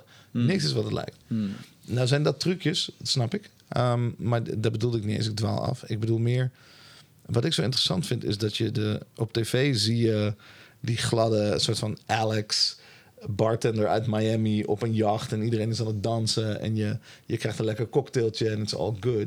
En daar wordt heel veel geld aan uitgegeven. En dat is de marketinghoek. En ja, dat is natuurlijk ook een stukje storytelling. En ja, dat heeft geschiedenis en, en brand value. Maar, ik bedoel, ze verkopen gewoon bako's Ja. voor 80% van hun omzet. Weet je? Bacardi Cola in eh 4 liter eh, jugs in Amerika of gewoon naast het kopstootje in de bruine kroeg. Dat is waar het geld vandaan komt. Dat is iets wat ik altijd interessant vind aan de Googles van de wereld, de Bacardis van de wereld, whatever. Is van, je ziet dit, dit is de, de wortel. En het is prachtig. En ze verkopen ook mojito's en ze doen allemaal, allemaal super vette dingen. Maar procentueel is dat helemaal niet het leeuwendeel van hun business. Net als dat iedereen denkt, oh, Google is een zoekmachine. Google is helemaal geen zoekmachine. Google is een zoekmachine voor jou. Maar ze, ik bedoel, ze maken gewoon geld met data en ze, Ja. ze vinden hele slimme manieren om dat te doen, maar dat zie je niet. En dus als Google ooit een reclame zou maken op tv, zou het een zoekmachine zijn. But it isn't. En als Bacardi ooit een reclame zou maken op tv, dan zou het niet de Baco zijn in de bruine kroeg, dan is het de Mojito. Dat is iets, oké, aspiratie, dromen, eh, associatie, ehm, affiliation. Allemaal dingen waarvan je denkt, hé, ik schets dus een beeld waar jij naartoe getrokken wordt. En dan verkoop ik wat je echt wil. Ja. Ik had gisteren nog een gesprek, ik weet even niet meer waar dat vandaan kwam. Iemand zei nog van, eh, je hebt ananas jam nodig in het schap. Zodat mensen kunnen zeggen, hey, ananas jam, neem toch uit bij mee. Nou, ik liep dus van de week, heb ik nog een foto van, heb ik van de week nog een foto van gemaakt. Ik liep door de Albert Heijn en ik zag in één keer eh pindakaas met, met Snickers logo erop. En ik stond ja. erna en ik dacht, ik heb er nog een post van gemaakt, ik ga het niet kopen. Maar ik weet dat dit goed gaat zijn, weet je. Ja. het niet allemaal, hè? Eh, de Snickers, M&M's, M&M's de, en de whole works. Het is gewoon in één keer. Dat is ook zoiets. Je hebt dat heel vaak niet door in het leven. Maar de, de groepen Hmm. die merken hebben. Zo ik bedoel, de Mars Company en de Coca-Cola Mhm. Je bedoelt dat het allemaal hetzelfde, het komt Het allemaal komt uit hetzelfde- Uniform beleid, Ja, ja, ja. hoor. Ja. Ja, het komt uit één kantoor, weet je wel. Ehm, dus als iemand dan zegt, hey, we gaan broodbeleg ermee maken, dan zetten alle merken open en zo. Vind ik best wel grappig. Maar Er zijn wel organogrammetjes van trouwens waarbij je kan zien wie alles in handen heeft. En onder de streep zijn er nog drie grote corporaties die zo'n beetje alles hebben. Tuurlijk, ja, het is eh, gewoon Illuminati. Ehm, nee, maar om terug te komen op je vraag. Voor mij zou het dus zijn, wat ben je aan het verkopen? Wat wil je verkopen en wat wil je vertellen? Het is niet altijd hetzelfde. Ik verkoop bij de Avocado Show meer een beleving. Dus het moment dat je daar zit en je krijgt waanzinnig vormgegeven, super lekker eten Mhm. het idee dat je daar zit in een mooie surrounding en waanzinnig lekker eten krijgt dat heel mooi vorm is gegeven, is een beleving. Ja. Dat is eigenlijk geen product. Het is niet zo dat ik zeg, joh, de Big Mac hier, alsjeblieft. Mhm. En de rest doet er niet toe. Het is andersom. Ik bouw de wereld en daarin krijg jij de, de dingen uitgedeeld. Dus Ja. wanneer wij, eh, als wij een commercial zouden maken, zou het niet intrinsiek gaan om één gerecht. Het zou gaan om de beleving bij de avocado show. Ja. Ehm, maar 80% van onze omdeel, eh, omzet komt gewoon uit eten. En ook nog eens uit bepaalde gerechten. Weet je, dat is logisch. Ja. Ehm, dus dat is het. Als je, markt, als, als je nu een ondernemer bent en je hebt een, een zaak en die heeft extra marketing nodig, dan is de vraag: wat heb je nou echt nodig? Komen mensen bij jou omdat je het product hebt? Ben je het van stapelen koekje van, weet ik veel, van jouw business? Dat kan. Ehm, of moet je een verhaal vertellen? Willen mensen juist weten dat je de local bent met een goed verhaal en, en misschien excellente beleving? Dan moet je daarop gaan zitten. Of is het toeval? Dichtstbijzijnste eh restaurant van het strand. Ja. Oké, dat zegt niks over wat je serveert of dat de beleving is. Het Ja. zegt gewoon, ik moet minder ver lopen. En als ik er ben, kan ik de sunset zien en met mijn kinderen op het strand zitten. Top. Ze zei, maar als ik dat allemaal bij elkaar zou moeten gooien, dan heb je een ramp. Mhm. Toch? Dan moet ik en een product en de locatie en de Dat is wel wat de iedereen, dat is wel wat iedereen dan wil proberen. Ja, en dat is waarom het niet lukt. Ja. Interessant. Ja, dus pas pak één facet van je waardepropositie en zet daarop in. Ah, ga feitelijk gewoon je USP scherp hebben en daar juist over communiceren. Ja, bedenk je USP's en sla op elke USP één home run. Ja. Probeer het niet een soort van trailer te maken. Dat, dat is, nou, soms werkt dat, maar over het algemeen niet. Weet je? Je, bent, je bent veel te veel aan het pushen en doen en dingen. Waarom komen mensen bij jou? Waarom moeten ze bij jou komen? Het, komt, het komt gewoon weer neer op focus. Ja, en wat, wil, wat willen de mensen aan de andere kant horen? Je kan alles willen zeggen wat je wilt. Maar wat triggert? Kijk, als je awareness wil bouwen en je wil gewoon laten zien hoe mooi of goed of vet of uniek je bent, fine. Dan kun je alles doen wat je, waar je zin in hebt. No problem. Gaat het echt om promotionele dingen waarbij je conversie nodig hebt naar sales? Dan moet je echt nadenken, joh, wat triggert, wat triggert die persoon aan de andere kant? Ja. Ja. Is het het feit dat het super mooi is? Of is het het feit dat het het dichtstbijzijnde restaurant van het strand is? Oké. Ja. Take a pick. En dan zul je zien dat hoe botter en platter en duidelijker het is, het allemaal werkt. Ja. De reden dat de Avocado Show de Avocado Show heet, is omdat nog nooit iemand mij heeft gevraagd wat we zijn.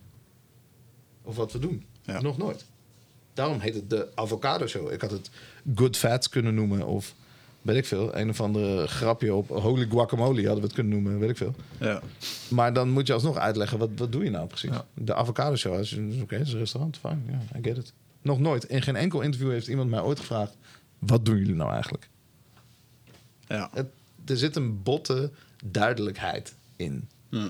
Terwijl we daar echt over de top hadden kunnen gaan met moeilijk conceptuele namen. ja. Wat misschien ook nog steeds wel had kunnen werken.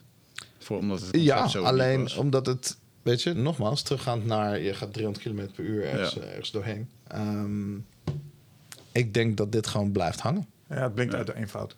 Ja? Ja. En de formule, de hmm, show, nou, dat hadden we. We hebben sowieso de pizza show, de vegan show, hebben we alles vastgelegd toen. Ja, het kan nog met alles. Ja. Maar eh, het is gewoon duidelijk. ja, vet. Leuk concept, man. Leuk Thanks. Om te horen. De grote Michel Vossen show. Bijvoorbeeld. Ja, dus ja. een stroopwafelshow. Lekker, ja. ja maar dat zou Het zou je, echt, je gaat echt janken als je dit allemaal googelt en erachter komt dat dit allemaal al bestaat. Is er allemaal al? Ja, jammer. Het echt. maar goed, het is ook een compliment. Weet je? Het is, het is die- allebei. je bedoelt dan in de zin van jullie worden gekopieerd nu? Wij worden letterlijk gekopieerd nu. Dus er zijn iets van 80 eh, copycats worldwide die onze interieur. We, er is- letterlijk iemand heeft onze hele website nagemaakt. We hebben gewoon. Je kunt het je niet voorstellen. Het eten wordt nagemaakt, de content wordt nagemaakt, de foto's worden nagemaakt, de namen worden nagemaakt. Alles wordt gedaan. Wat vind je daarvan? Leuk. Ja, vind je leuk, hè? Nou ja, luister, de wereld is niet van mij. En het is een groot compliment. Het is een compliment, man. Hetzelfde als dat ik zeg: hey, ik heb iets bedacht, het heet Comment Cast. En jij zegt: hey, ik wil eigenlijk Comment Cast wel doen. Dan zeg ik: cool, dan zijn we nu met z'n tweeën. Ja. Niks territoriaals? Dat je stiekem denkt van, motherfuckers, van mij? Nee, ja, try to beat it dan. Gaat je niet lukken. Ja, dat is redeneren vanuit kracht. Ik vind dat sterk. Ja, er, er is gewoon geen, zeg maar... Wij waren first to market. We zijn market leader. Er is geen Ja. vraagstuk waar dit Ja, vandaan ik vind het echt ook knap, want dit is schaarste versus overvloed, denk ik. Ja. En ik denk dat een heleboel mensen daar echt een voorbeeld van zouden kunnen, kunnen nemen. Want je had hier ook stress van kunnen hebben en dat heb je niet. Omdat je vanuit dat andere perspectief komt. Ja, en gewoon, weet je, iedereen probeert toch ook maar wat het mooiste te maken van zijn leven of zo. Ja. Ja, maar nee, je zou, je zou wel achter, want je bent wel een franchise concept wat je wel moet bewaken. Ja, je En, kunt het niet de eh, avocado show noemen. Nee, exact. Ja. Dat, dat, laat dat duidelijk zijn, maar... Ja. Ja, maar ook jij- zelfs een, een, een advocaat-restaurant. Laten we het nog even hebben over, eh, over Rocket, over Robbie. Toen ik hem Ja. de laatste keer sprak, zeg maar, die, die, zei, die zei ook iets heel moois. En ik herken dat. Hij zei, ja, ik heb een gym in Thailand. En als iemand anders een gym in dezelfde straat opent, dan mag ik je by default niet. Snap je? Ja. En, ik, ik snap dat sentiment heel goed. Zo van, hey, dit is mijn... Wat, wat doe je hier? Ja. En, en, je moet heel sterk in je schoenen staan om dan te kunnen denken, nee, fuck it, dat is eigenlijk goed voor Ik mij. ben dan die guy. Puntje, puntje, puntje, puntje. Ik ben precies die guy die dan gaat denken... kunnen we hier nog vier gyms krijgen? Dan maken we hier de gym mile van. Dan maken we de, de, Ja. de gymstraat van Thailand. En dan... Het enige wat je dan moet doen is... dan gaan we even een heel goed gesprek hebben over branding. Jij bent eh, blauw, ik ben eh, rood. Ja. Eh, ik doe vechtsport, jij doet eh, crossfit. Ja, ja, ja. En ja. dit is hoe we de wereld gaan... eh, Synergie zoeken. ja, kijk, ik snap het hoor. Ik snap het territoriale gedoe, snap ik absoluut. Ehm, maar you can't stop it, man. Je kan niet zeggen, hey, oh ja, ik heb een pizzeria en niemand anders mag een pizzeria openen. Nee, dat werkt niet. Dus Ja. ja, there's no point. Maar ik vind het sterk. Dankjewel. Vet man. Staat er nog iets moois op de, op de eh, staat er nog iets moois op de agenda wat er gaat komen? Wat, we, wat je kan bespreken? Van de Avocado Show? Of in Ja, het dus je gaat nu vertellen wat je wel kan bespreken. En zo Ja, en zo meteen horen we graag de rest.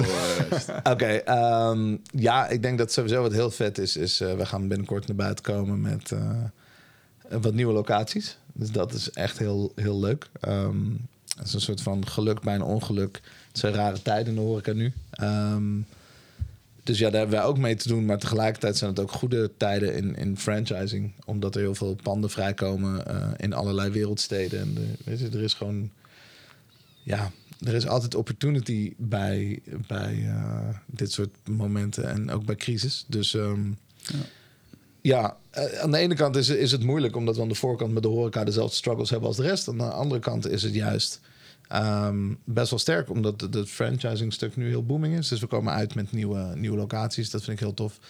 Ehm, ik vind het leuk. We hebben eh, een kookboek dat, dat het echt heel goed doet. En we hebben eh, avocado fries die het heel goed doen.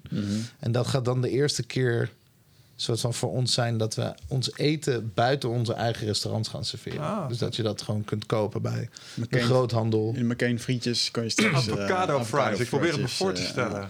Zou Denk aan tempura. Ja. Oké. Dus als je gewoon een, een stukje avocado zou snijden en je, je gooit er paneermeel omheen. eh, Nou, paneermeel is wel een beetje plat, maar eh, gewoon een, een crunch omheen, Ja, zeg maar.